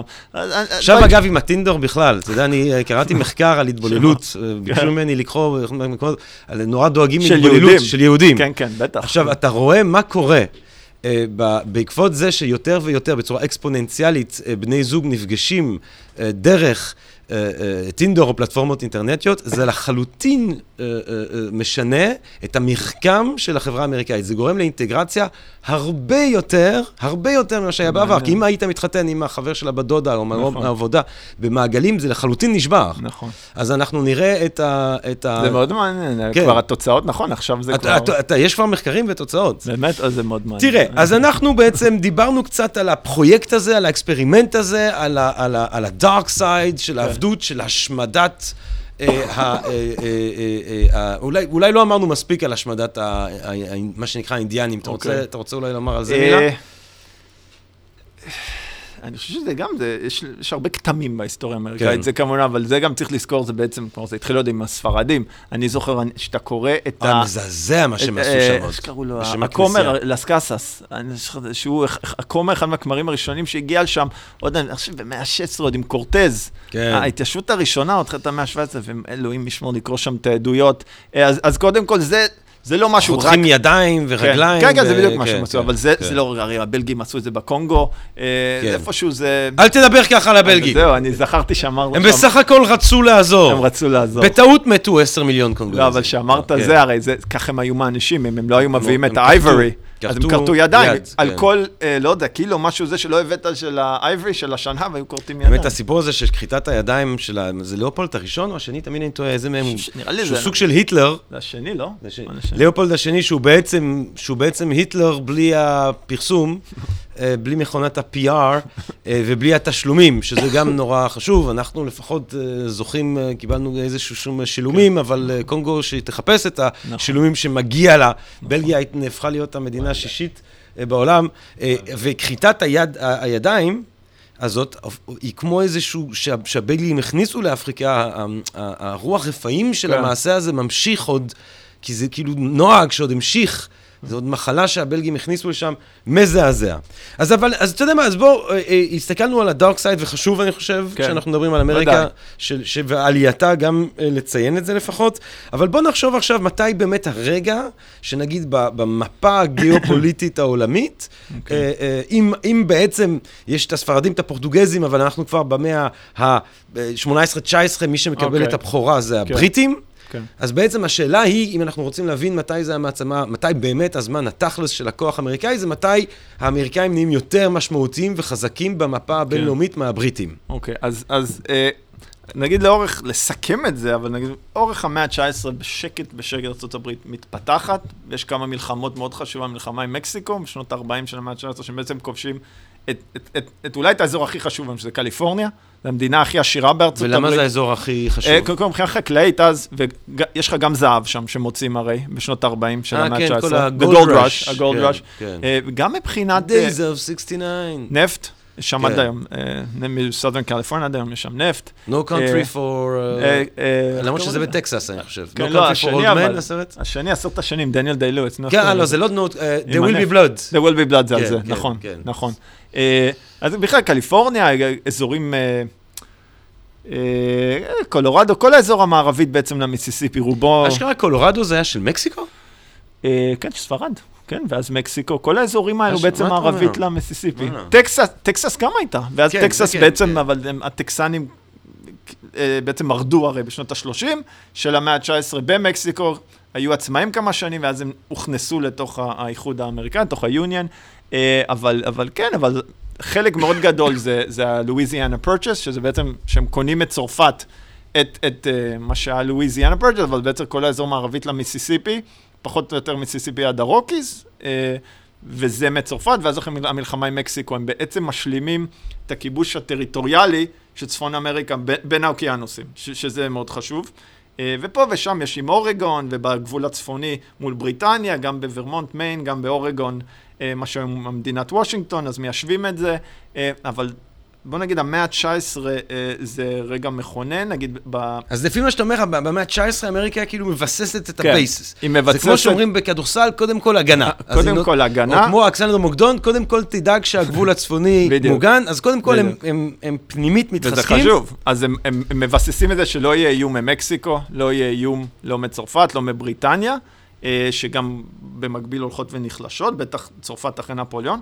אה, אז, אז זה המאה ה-19, ובאמת יש איזה רגע, אה, ב-1893, שזה זה משהו סמלי, אבל the, the closing of the frontier, יש פשוט אה, ספר מאוד חשוב שההיסטוריון טרנר כתב על זה, שזה איזשהו רגע שפתאום הם אומרים, רגע, אבל מה עכשיו? זה רגע של משבר. כי הספר נגמר, מה נעשה עכשיו? לאן נלך עכשיו? ו- ו- וגם הפרונטיר, המושג הזה, הרי כמה שהוא חוזר בהיסטוריה האמריקאית, ג'ון קנדי מכריז בשנות ה-60 על, על ה-new frontier, נכון? וזה גם החלל, כל כן. החלל כי, כי, כי יש פה משהו ב, בעניין הזה של האמריקאים שהם חייבים לנוע ולכבוש ולהתקדם. אה, אז באמת בסוף המאה ה-19 הם מסיימים עם צפון אמריקה, וזו גם הסיבה ש, שזה מתחילה בעצם החוויה האימפריאליסטית האמרייקאית. יש לזה תרגום לעברית לפרונטיר? ספר. ספר, אה, אני חושב ספר. ש... קוראים לזה The Significance of the Frontier in American History, זה פשוט בעברית, אה, אני לא יודע איך לתרגם את זה, הספר, אה, חשיבות הספר, אוקיי, אה, של אוקיי. פרדריק ג'קסון טרנר. אז הר- הרעיון הזה שאנחנו, יש משהו כמו איזה זרע כזה, כן? כמו האידאה של ה... אנחנו, אנחנו... אנחנו מיועדים לזה, אנחנו חייבים כן, לזה, וגם, כן. וזה גם מעבר לזה, כי ברגע שאתה רואה את עצמך בשליחות, ואתה רואה את עצמך שאתה כל הזמן חייב לנוע קדימה, גם לנוע פיזית, גיאוגרפית, אבל גם לנוע רעיונית, להתפתח, להתקדם, לכבוש, אה, יש בזה גם משהו נורא אה, שוביניסטי, כן, של הכיבוש, כן. אה, ופטריארכלי. אה, אז, אז ברגע הזה שאחרי שמכניעים את צפון אמריקה, וזה גם כולל כמובן, דבר ראשון שהצבא האמריקאי עושה אחרי מלחמת האזרחים, זה 20 שנה של חיסול השבטים האינדיאנים, נכון? אה, אז וזה, לא מלחמת האזרחים, 1860... אה, 61 עד 65. 65. כן. אה, אה, לינקולן, כן. או קפטן מי קפטן. זו תקופה מאוד יפה. חייבים לומר, לציין שמבחינת השירה האמריקאית, אה, מסתובב לו באמריקה נביא בשם וולט ויטמן. כן, נכון. I sing myself and celebrate myself, and what I אוקיי, assume, you shall assume, for every atom belonging to me might as well belong to you. I loaf and ויטמן, invite my soul. וולט ויטמן, אבל גם זה, גם, גם השירים של שכותב את או ויטמן, קפטן מי קפטן, כן. גם השירים אבל זה על, זה בסוף על אהבה של, של הטבע, של הגיאוגרפיה, אז כן, הם כולם כן, גם היו מחוברים, כן. ויטמן, אמרסון, אמרסון אה, לחלוטין, אה, דיוויד ת'רו. ת'רו, וולדן, נכון. אבל, אבל אז בעצם יש לי מלחמת האזרחים. אה, תודה לאל, הצפון אה, מנצח, אה, יש לומר. מנצח במלחמה, לא בטוח אם הוא ניצח ב... במיתוס, נכון? את Mm. המלחמה הוא ניצח, אבל לא בטוח אם הוא ניצח גם את היום שאחרי המלחמה.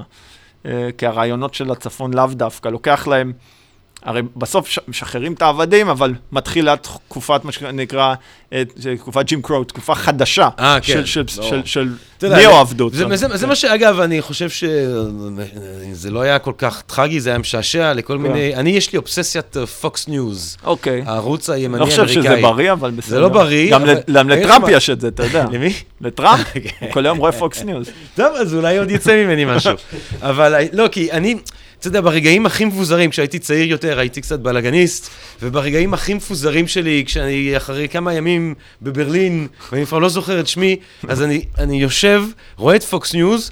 כדי לדעת למה אני לא מסכים. ואז כזה לאט לאט אני זוכר, אה, כן, אני לא מסכים לזה, לא מסכים למה שהוא אומר, לא מסכים למה שהיא אומרת, אבל אחד מהדברים, ההכחשה הזאת שיש בעיה היום, כן, כאילו העבדות כבר נגמרה מאז 1866, כאשר בעצם, כשאתה השתחררת, אז בסדר, אז אתה לא עבד, אבל כן. אתה חי באיזה חור, נכון. ומשלמים לך ב- בכלום, וזה נכון. סוג של עבדות כלכלית, וג'ים קרו, נכון. ורק מצביעים בשנות ה-60. ואז אתה אמרת אבל שגם הדבר הראשון שהצבא האמריקאי, זה עניין אותי, הדבר הראשון שהצבא האמריקאי עושה אחרי מלחמת האזרחים זה להשמיד את ה... כן, בשנות ה-70 וה-80, קוסטר, הרי קוסטר, ליל ביג הורן, הקרב המטופש ביותר אולי בהיסטוריה הצבאית של ארה"ב. למה? כי זה פשוט, פשוט היה ג'נרל ג'ורג' קוסטר, שהוא גם היה גנרל אה, בצבא הצפון, ולכן זה צריכים, הוא היה גם מגלומן, והוא לקח, אני פשוט נסעתי לשם, ראיתי ממש את השדה קרב, ואני קטונתי מלהיות גנרל, או... או אני לא יודע, אני חושב שהדרגה, מה הדרגה של סגן נראה לי, נכון? משהו כזה. אז אה, הייתם ביחד בצבא? היינו אה. בהתחלה, כן. מה אתה אומר? אבל... אה, דוקטור יואב חומר ותובל רוזנבסר היו ביחד בטירונות. איך הוא היה בטירונות? הוא התנהג? הוא התנהג יפה, תובל? אה, חומר היה מצטיין? היה מה אתה אומר? כל- כל מיני... אה, כל הכבוד. אבל לא עשיתי קריירה צבאית. אני הייתי בסיירת מטכ"ל, אני, אבל של הבלגים, שזה רוצה להגיד לראות טלוויזיה כל היום וללמוד פילוסופיה, לא סתם. אוקיי, אז אתה בעצם היית שם, ולמה זה היה לא, אבל, מטומטם? אבל זה מעניין, כי רואים מה ש... הוא לקח שם, הוא לקח אותם לאיזושהי קבוצה מאוד קטנה של חיילים, לכל מיני גבעות שם במונטנה, מה שנקרא ליל ביג הורן, והיה שם אלפים של אינדיאנים שלא היה לו סיכוי נגדם, אבל שוב, המגלומניה שלו בעצם עלתה לא בחיים, ובחיים של, אה, של, של כמה עשרות, אם לא מאות חיילים שנהרגו איתו, אבל... אה, לא, הפואנטה היא שפשוט, אז מחסלים באופן שיטתי את, את האינדיאנים, ומי שלא מסכים לעלות לשמורות, הרי זו התקופה, אוקלהומה הזכרנו, אוקלהומה הייתה שמורה. להיכנס, אני לא יודע, יש מי שקראו לזה מחנות ריכוז, אני לא יודע אם זה ההגדרה הנכונה, אבל אתה בכוח בעצם לוקח זה אוכלוסייה. ethnic cleansing, זה ברור. זה אתה- cleansing, אתה- כן, אתה פשוט כן. לוקח שטח שהוא יותר כן. גדול טכנית ממחנה ריכוז, ואתה, שם, בשטח הזה אתם תהיו. נכון. ואתה אה, כאילו, קלנס, מילה מגעילה הזאת, מנקה את שאר השטחים מאינדיאנים. כן, ו-Indian Removal Act, וכן, והרעיון היה להכניס אותם לשמורות ולהשתלט להם על הקרקעות, וגם כל זה קורה בזמן שה, שהחלוצים כל פעם מגלים הרי באזורים של האינדיאנים אה, כל מיני מכרות של נחושת, של זהב, שבאמת גם יצר את התמריץ הכלכלי להעיף אותם שם ולהשתלט על הקרקעות. אבל זה, זה המאה ה-19, זה חלק כאילו מהביסוס הזה שדיברנו, עכשיו מי ששולט על אמריקה זה, אה, אה, אה, זה, זה, זה האמריקאים. זה האמריקאים, או מי כן. שמכנים לעצמם אמריקאים, הם שולטים, יש אה, שלטון מרכזי, יש צבא שהולך ונהיה יותר כן, חזק כלומר, לאט מלחמת לאט. האזרחים זה הרגע גם שהצבא האמריקאי, איפשהו, הצפון לפחות, גם הבירוקרטיה שלו, וזה זה נוסד, ויש את הריכוזיות הזה השלטוני, זה פעם ראשונה שמטילים מס הכנסה. כלומר, הממשל הפדרלי גם, בעצם זו ההזדמנות הראשונה שלו לתפקד כריבון, Mm. אה, ולא הפי- הפיזור הזה שדיברנו עליו, והביזור בין המדינות העצמאיות. ואז בעצם אנחנו ככה מגיעים לנו למאה ה-20. כן, אז... בתחילת המאה ה-20 עדיין, the sun never sits over the British Empire. אה, כן, אבל זה הרגע של ה... אתה מדבר על הרגע שהם העבירו את ה... איך אומרים את? השרביט. את השרביט, כן, תודה. זה הרגע שמעבירים את השרביט בעצם, כי... אה, והשרביט, למה בתיכון אומרים לנו, אה, אה, אה, אני עשיתי תיכון בארץ, אז אומרים לנו, אחרי מלחמת העולם הראשונה. אה, שוב, זה תלוי מתי, כי ווילסון בא, אבל בסוף, אה, אני חושב שאם צריך לשים את ה... אפשר לשים את זה ב-1898, כי זה היה מלחמה מול ספרד, וזו מלחמה אימפריאליסטית שאמרנו... 1800? 98. 98. אמרנו, הספר נכבש, אני צריך ספר חדש, אה, וכמובן זה גם קשור על ההתפתחויות של הקפיטליזם האמריקאי לתיעוש, צריך שווקים חדשים. אמריקה בשלב הזה היא לא צריכה עדיין מקור, משאבי טבע, כי זה יש לה, היא התברכה בזה, בניגוד למדינה כמו יפן או גרמניה, אה, אבל היא צריכה שווקים חדשים. אה, והיא, מייצרת יותר ויותר, וגם יש, מתחילה להיות בעיה בכלכלה האמריקאית של oversupply. אה, ואתה צריך למצוא איפה לזרוק את למכור את זה. אה, וזה גם... מעניין, כי אני זוכר, זה מזכיר לי משפט של ת'ורו, שהוא אומר, היום כבר לא מייצרים מכנסיים כדי שיהיה מכנסיים ללבוש, מייצרים מכנסיים כדי שיהיה מכנסיים למכור. נכון, אז הוא נכון. מזהה את ה... נכון. ממש מזהה את ה- את המפלצת ב... ת'רו, בקיקיונותה. מצד אחד הוא הוא מזהה את זה, וזה גם בזה הוא חוזר לוולדן, נכון? הוא כן. רוצה לחזור לחיים ה... זה- אנחנו יודעים, דויד הכפריים, תורו הוא- הוא הטבעיים. הוגה חשוב שבעצם עובר לגור באיזה בקתה ליד אגם, והוא הוא מהווה סוג של אידיאל לכל צעיר אמריקאי שהולך לאיבוד ביער, ואז כן. מוצאים אותו מת אחרי חודשיים. אבל, אבל כן, אבל גם ת'רו צריך לזכור, אה, אה, יש את המיתוס של ת'רו, שהוא התבודד וזה, אבל הוא... אה, הוא הלך לשתות שמפניה עם אמרסון, הלך. עדיין עשו לו את הכביסה שם בעיר כל יום, באמת? וכן. זה לא ידעתי על אני זוכר הכביסה. שאת הכביסה שלו עדיין הוא היה שולח, קראתי את זה איפשהו, טוב, יש. גבול לכמה אנחנו נכון. נחיה בטבע, בקתה, כאילו. נכון, עד- כאן, עד כניסה. אבל anyway, אבל ארה"ב באמת, המ- המלחמה עם ספרד היא- מאוד חשובה. ספרד Mm. זה אימפריה קורסת, נכון? כן. וזו הייתה האימפריה במאה ה-16-17, היא היא בעצם קורסת. ארה"ב משתלטת על הפיליפינים, משתלטת על, אה, עד- עד היום יש לה את גואנטנמו ביי. הרי נכון. הבסיס זה- זה מאותה מלחמה, היא משתלטת על על קובה. אה, והפיליפינים, וזה כמובן בשם שחרור, אני עושה מירכאות, שחרור הקובנים, Mm. בגלל שספרד התייחסו אליהם, אה, זכויות אדם וזה, אבל זה לא באמת הסיבה כמובן, אה, זה רק היה לדעת קהל. אה, וזה בעצם הרגע גם שארצות הברית, לזכותה ייאמר, מבחינה אסטרטגית, מבינה שהעתיד נמצא באסיה. נכון שאובמה דיבר על פיבוט לאסיה, Mm. אה, הוא, הוא אמר את זה 120-30 שנה כבר אחרי המדינאים האמריקאים בסוף המאה ה-19, שזיהו שצריך בסיסים, אה, צריך בסיסי צי, נכון? במנילה במיוחד, גואם, כל האיים האלו, מרשל איילנד, שאף אחד לא יודע איפה הם, זה כבר אז אמריקה... פציפי. אה, כל האוקיינוס הפסיפי הופך... מתי הוואי בעצם? מתי אה, ההשתתפות הוואי- בה- בהוואי? הוואי גם למעשה הופכת כבר לטריטוריה, היא נהיית מדינה רק ב-1959, כן. אבל היא הופכת למעשה כבר לטריטוריה, וגם עם הוואי יש הרבה בלאגן, כי האמר- יש שם אמריקאים שרוצים לספח את הוואי בכוח כבר, כבר כן. אה, בסוף המאה ה-19, אבל הוואי נכנסת פה לתמונה, צריך לזכור כמה הוואי רחוקה, אבל כן. יש בהוואי גם סוכר, יש שם אינטרסים כמובן, יש שם משאבים אבל ח- זה בעיקר חשובים. גיאופוליטי, יש לך בסיס שם עמוק. ב... מידווי, כן, כל. המלחמה עם יפן בעצם נזרעת ברגעים האלו. השליטה על, על כל האוקיינוס השקט, כן. והתחרות שעד היום, אגב, אם, אם תהיה מלחמה הבאה, הגדולה, היא תהיה בין סין לארה"ב, הרי כן. על, ה- על הדרום הים הסיני, על האוקיינוס השקט. כן. וזה מתחיל כבר באותם רגעים, כי אמריקה מבינה גם שעתיד, זה גם השנים שאמריקה נכנסת לסין. אנחנו שוכחים שבשנים האחרונות של המאה ה-19, אמריקה עושה אחד מהדברים הכי, הכי גאונים, מבחינת דיפלומטית, מה שנקרא The Open Door Policy. Open Door Policy, זה הרגע שכולם... כורתים את, את סין, ו- ובעצם אה, צרפת, בריטניה, רוסיה, יפן, בעצם מחלקות את סין כן. ביניהם. בעקבות מלחמות האופיום, 1841, אם אני כן, לא טועה. אז זה הראשונה, ואז כן. יש עוד מלחמת עוד אופיום. מלחמה והכוחות המערבים משפילים, כן. מה שסינים קוראים להם the, the, the century of humiliation, נכון, עד שמאו. מוציא אותם משם. נכון. זה משהו שמאוד חשוב לנו ב, כמערבים להבין שהסינים פועלים מתוך תחושה מוצדקת לחלוטין, נכון. כי בתחילת המאה ה-19 סין היא הכלכלה הגדולה בעולם, עד שהאנגלים מפוצצים להם את נכון. ה- את ה- את וזה- האימימה. וזה- זה גם, אגב, מעניין, גם בהקשר של הסינים, שבסוף המאה ה-18 הרי יש את המקארטני מישן המפורסם, שזה הבריטים שולחים משלחת, כי הם רוצים לפתוח את סין למסחר.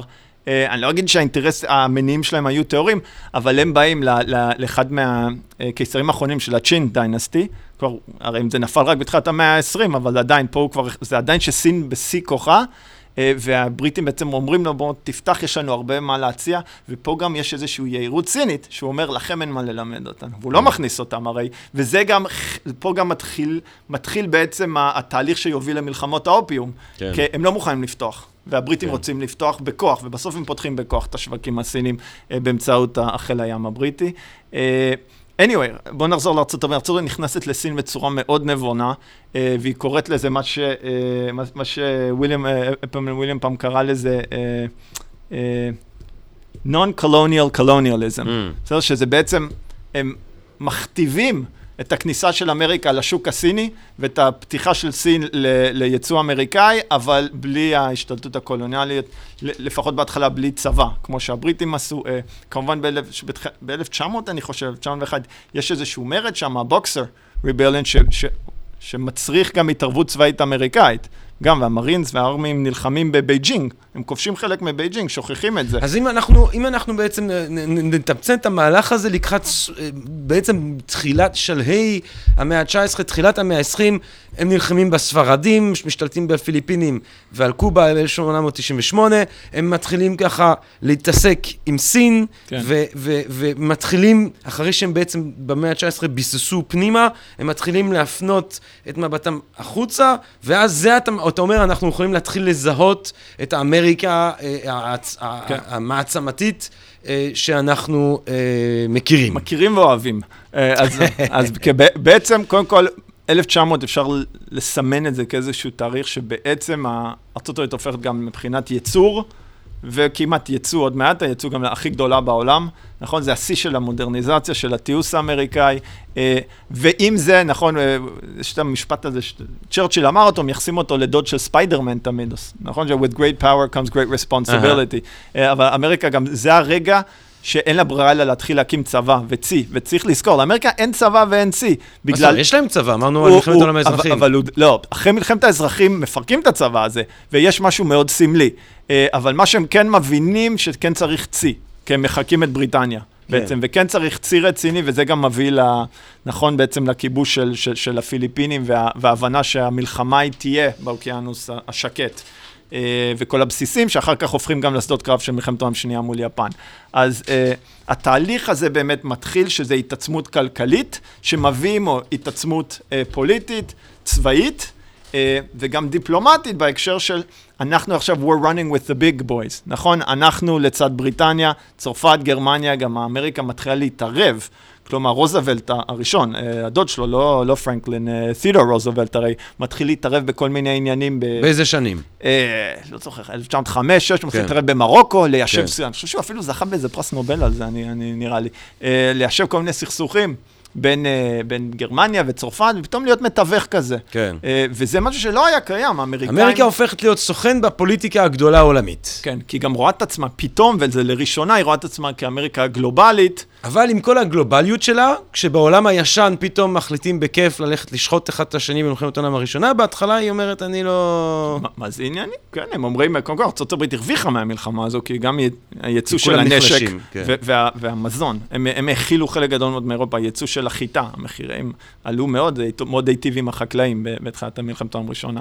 אה, אבל בסוף בא הרי ווילסון, וזה זה באמת, זה הרגע המכונן, וכשאומרים מלחמת העולם ראשונה, מסתיימת, ארצות הברית נכנסת למלחמה בשנה האחרונה, mm-hmm. אה, הרי אה, כל מיני טעויות אסטרטגיות חמורות מאוד של הגרמנים, במיוחד סביב ה, אה, אה, אה, מה שקראו Unconditional אה, Submarine Warfare, שהם הטביעו הרי ספינות אמריקאיות והרגו הרבה אזרחים אמריקאים, אה, ובסוף כבר, אה, כל מיני סיבות, אמריקה לא יכלה להבליג. אה, ווילסון באמת מכריז מלחמה, אבל רק ב-1917, כלומר, אחרי שכבר רוב הקטל אה, בין, אה, שם בשוחות כבר נעשה, אה, בנות הברית מנצחות, נכון? ואז כמובן... אמריקה עוד הספיקה ממש לשלוח חיילים? כן, הם נלחמו, יש שם כמה כן. קרבות בארגון פורסט, כן. יש שם כמה קרבות רציניים שהצבא האמריקאי השתתף. ואני, שוב, יש עוד סיבות למה גרמניה הפסידה, אבל בסוף זה כן נותן איזשהו גיבוי מאוד משמעותי. אה, כי זה גם בדיוק הם נכנסים שהרוסים יוצאים מהמלחמה אחרי כן. המהפכה, וברסליטובסק, שלנין בעצם מוציא את, אה, את הברית המועצות החדשה מהמלחמה, אבל זה היה מאוד חשוב שאמריקה נכנסה. זה מכניס עוד איזה נכנסה. כוח כזה לקראת הסוף. כן. כן. ואז נגמרת מלחמת העולם הראשונה, אה, אנגליה היא בעצם... מי אמר לי? אני חושב שמישהו דיבר בפודקאסט על בן, על בן גוריון, או אחד מה... או ויצמן, או מישהו שמבקר, אחד מהפוליטיקאים הציונים מבקר באנגליה במלון מפואר, אבל אין... אבל הוא קר, אין, הוא לא מחומם, והוא מבין שזה כאילו איזשהו סמל, הוא איזשהו סמל לא, לאימפריה הריקה כבר, שאומנם היא עדיין משהו. טכנית שולטת על הודו, והיא עדיין זה, אבל בעצם אחרי מלחמת העולם הראשונה, היא, היא, היא, היא, היא משתלטת גם על נכון. המזרח התיכון וזה, אבל בעצם באנגליה עצמה... זה ההפך ממה שאמריקה עשו, שהם חיזקו נכון. את עצמם במאה ה-19, מבפנים זה מתחיל כבר uh, להתחכב, ויש איזשהו משבר שבסופו של דבר יוביל אחרי מלחמת העולם הראשונה לשקיעה של האימפריה הבריטית, okay. אוקיי. אבל האמריקאים אז, אחרי מלחמת העולם הראשונה, אמנם הם לא מקבלים, מעניין שהם לא, לא שותפים למהלך קולוניאלים אה, אה, במזרח התיכון. זאת אומרת, למה הם לא מקבלים חלק מהמזרח התיכון לידיהם? הם לא רוצים, קודם כל הם לא רוצים, וגם, וגם שוב, המודעות העצמית האמריקאית היא אף פעם, גם ההשתלטות שדיברנו עליה, במה שאמרנו, קובה ופיליפינים, זה אף פעם לא, הדבר הראשון שהאמריקאים אומרים, גם בדיונים בקונגרס, גם הנשיא, גם הציבור עצמו, אנחנו לא, אנחנו לא קולוניאליסטים, אנחנו לא אימפריאליסטים, אנחנו לא בריטניה, אנחנו ההפך, we're liberating. They were subjugating, כן. הם הכניעו, הם כבשו, we're liberating. מה שנקרא עיראקי uh, פרידום. זה בדיוק uh, זה, uh, יש קו ישיר. אני אומר, זה, זה, פרי, זה פרידום במובן הקצת הינדואיסטי, זה חופש מהחיים. משהו כזה. בא ואתה משחרר אנשים מהעול של הקיום. נכון. יש קו ישיר, אגב, יש קו ישיר בין, ה, בין האתוס הזה ואיך שהאמריקאים מצדיקים את, ה, את ההתפשטות האימפריאליסטית שלהם, uh, במיוחד גם בפיליפינים. בפיליפינים אנחנו נחנך אותם ונגדל אותם, הזכרת את ה-white man's burden, זה, זה גם האמריקאים, זה מה שהם אומרים לעצם, שהם, שהם אז מה, איך אתה מאפיין אז את האינטרבלום, את התקופה הזאת בין מלחמות העולם הראשונה, אה, בהתעצמותה של אמריקה? קודם כל, חשוב לזכור, ווילסון, הנשיא ווילסון מגיע לוורסאי, נכון? אה, ובסוף, אחד תמיד באים בטענות לאמריקה, בצדק, הרי יש את ליגת ה... The League of Nations, אה, אבל הסנאט לא מסכים להעביר את זה. אה, ומה ש... למה? בגלל ששם את הדבר הכי חשוב זה הביטחון הקולקטיבי, נכון? שמה היה צריך? היה צריך שכולם יתחייבו, רק ככה זה עובד הרי, one for all and all all, שכולם מתחייבים שאם מתחילה מלחמה, אז שהליגה, יהיה לה את, ה... את היכולת וה... והתעוזה והלגיטימציה אה, לשים קץ למלחמה באמצעות אה, פעולה צבאית, נכון? אה, הסנאט לא, לא נתן לווילסון, הסנאט, הוא מחויב כל ברית, לש, הסנאט צריך לאשר אותו. אה, עכשיו זה, שוב, זה יותר מורכב, כי ווילסון היה עקשן, הוא לא היה יהודי, אבל הוא היה יהודי עקשן. אם הוא היה יהודי, הוא היה יהודי, הוא מאוד עקשן, הוא לא הסכים להתפשר על כלום. אה, ולדיעבד הוא יכל להעביר איזושהי ברית, אבל הוא, הוא לא רצה להתפשר, ואז הוא חטף רצף של, של, של שבץ מוחי, והוא חלה בעצם, וזה היה סוף הסיפור. אה, ובאמת אנחנו נוהגים לחשוב על זה כשנות הבדלנות. דיברת על אנרבלון, תמיד בקולקטיב זה עדיין ארצות הברית. היה לה את ההזדמנות להציל את העולם, להצטרף לליגת, ה-League of Nations, אבל היא נסוגה, הסנאט לא הסכים, כוחות הבדלנות גברו על, ה, על הקוסמופוליטיות של אנשים כמו ווילסון, ואז הטרגדיה היא כאילו שזה הוביל לעליית אה, מוסוליני והיטלר, ונכון, ככה היינו יכולים למנוע את זה, זה, זה, לא, זה הרי לא בדיוק נכון. אה, אבל בשנות ה-20 וה-30 ארה"ב כן חוזרת להתעסק בעצמה, כמו כל המדינות, אה, אבל זה לא נכון שהיא מתנתקת לחלוטין מאירופה, צריך לזכור שיש שורה ארוכה של ועידות, ועידת וושינגטון, בין היתר שארצות הברית מובילה בשביל להוביל לאיזשהו פירוס. אבל היית אומר שאז נגיד, אה, בשנות ה-20, ה-30, היא כבר, אה, ברור שהיא מעצמה עולמית, כן. אבל היא לא המעצמה עדיין. תלוי לפי איזה אינדיקטורים, כבר לפי, מבחינת, אני חושב שמבחינת כלכלית היא ודאי שהיא המעצמה הגדולה. אה, היא כבר המעצמה כן, הגדולה. כן, כן, בשלב כן. הזה אני עברה את גרמניה ובריטניה, בטח אחרי מלחמת העולם הראשונה שהן שתיהן מובסות לגמרי. הצבאית היא עוד לא אבל, וגם, צריך לזכור, אחת מהסיבות שאמריקה לא מחזיקה צבא, אה, כמו גרמניה או צרפת, שהן מדינות יבשתיות, הרי לא מדינות ימיות כמו בריטניה, אה, זה גם, זה בא, וזה גם היה נכון אצל הבריטים, זה היה באיזושהי תפיסה, שאם יהיה לך standing army, אז יש לך תמיד את הסכנה של, של איזושהי הפיכה צבאית, נכון? וזה גם החרדה הזאת, וגם מבחינת תקצוב ומשאבים בארצות הברית. אה, לא, לא, לא, התקציב הצבאי היה בדיחה בשנות ה-20 וה-30 ועוד אחרי השפל הגדול, אחרי 29. בכלל, אה, אה, הצבא האמריקאי, הרי ערב פרל הרבור, הוא... זה כמו איזה קייטנה. זה קייטנה, היה להם סוסים, לא, לא היה להם כמעט מטוסים, או המטוסים שהיו במלחמת העולם הראשונה, כלומר, הם לא היו ערוכים בשום צורה. מה אתה אומר? זאת אומרת, בתחילת מלחמת העולם השנייה זה אה, קייטנת קיץ, לגמרי, scouts. לגמרי, אה, זו גם אחת מהסיבות של... מה, שהיפנים חשבו שיש להם סיכוי כאילו? אה, טוב, גם היפנים, עם המגלומניה שלהם, כן. הם, אבל ההימור של היפנים דווקא, מבחינה אסטרטגית היה, אם אנחנו... כן, מה הם עישנו היפנים באותו יום? מה... אני חושב ש... אגב, זה עניין של מזל, כי הם רצו לדפוק את הנוסעות מטוסים. כן. אם הם היו מחסלים את הנוסעות מטוסים, אני, אני חושב שהיו אז ארבע אה, פעילות, active uh, carriers בצי השביעי האמריקאי, בהקרנות שקט, אם הם היו דופקים אותם, ולפחות שתיים, שלוש מהן מטביעים אותם בפרל הרבור, המלחמה יכול להיות באמת שהאמריקאים לא יודע, לא יודע אם הם, הם לא היו נכנעים אף פעם. הם נכנעים ליפן? הם לא היו נכנעים, הם לא היו נכנעים, אבל uh, לא יודע מה היה קורה. יכול להיות שהיפנים היו מצליחים אולי להשיג איזשהו concession, שזה מה שהם בסוף. הם בסוף רצו, הרי ארה"ב הטילה אמברגו. על, גם על משאבי טבע, בעיקר על נפט, ויפן אין לה את הדברים האלו, וגם זה כלכלה מתפתחת, אז דמוגרפית היא גם מאוד גדלה, היום כבר לא. אה, ובעצם זה בגלל הרי הכניסה, בעצם אפרופו קטל, מה שהיפנים עשו במנצ'וריה, מה שהם עשו בנאנג'ינג, נכון? The Rape of Nanjing בסין. אה, אז, אז גם ארצות הברית, זו בעצם הסיבה מבחינת היפנים למלחמה, אה, אבל הם חשבו שהם ידפקו באמת את הנושאות מטוסים בפרל הרבור, אז הם יוכלו לתת איזושהי מכה. אה, אבל שוב, זה, זה חוסר... אבל מה, היה תוכנית למכת המשך? אה, יביאו חיל רגלי לקליפורניה? לא, הם לעולם לא חשבו על זה, הם לעולם לא חשבו על זה. הם, הם באמת חשבו בגלל המרחקים שמספיק יהיה להכניע את, ה, את הבסיסי צי של הצי האמריקאי באוקיינוס השקט, ודווקא בגלל המרחק הזה, האמריקאים יישארו בקליפורניה, באלסקה, הם כבר באלסקה הרי, ואנחנו נשאר פה, ואנחנו אבל נגביר את ההשפעה שלנו באוקיינוס השקט, שזה בסוף מה שהם רצו, אה, ו- וגם הם, הם די רצו, כלומר, אחד מהדברים הראשונים שהם עושים, אנחנו שוחרים, זה גם להשתלט על הקולוניות הבריטיות וההולנדיות, אה, וגם אחר כך גם אינדו צ'יינה, אה, מהצרפתים, בשביל המשאבי טבע. בכל מקרה, אבל כן, לחלוטין זה החוסר הבנה גם של המנטליות האמריקאית, שלעולם, לעולם לא הייתה נכנעת ולא הייתה מוותרת. אה, וגם צריך לזכור, המלחמה נגמרת בצורה האכזרית שהיא נגמרת, שזה פצצות אטום, אה, ו-unconditional surrender, צריך לזכור, השבועות האחרונים של המלחמה, באוגוסט 45, אה, יש כבר כל הזמן מגעים, זה ברור שהעסק הולך להיגמר, וטרומן הרי כבר, רוזוולט מת, טרומן מחליף אותו כנשיא, והוא מקבל את הפצצת אטום שפיתחו בסתר שם בלוס אלמוס, בניו מקסיקו, והיה גם שאלה, מה נעשה עם זה? אולי נעשה איזושהי... אה, תצוגת אש, ונראה כן. להם וניתן להם הזדמנות. אה, ברור שזה הולך להיות משהו נוראי, לא ידעו אבל מה. אבל גם משהו פה במנטליות האמריקאית של אתם התחלתם את זה, אתם תשלמו את המחיר. נכון, כל הטקסיות של הסיום המלחמה, דגלס מקארת'ר, הגנרל המפורסם על, אוניית המיזורי, כן. שהכל סמלי, המיזורי הייתה בפרל הרבור. ואתם כן. התחלתם, אתם תבואו ואתם תיכנעו לנו באופן מוחלט, כן. באופן מוש, משפיל, על הספינה שניסיתם uh, להטביע, uh, וזה unconditional, כלומר, ואז הרי בעצם האמריקאים יש ממשל צבאי מוחלט ביפן. כן. הם לא מקבלים, אותו דבר עם הגרמנים הם עשו גם. אז...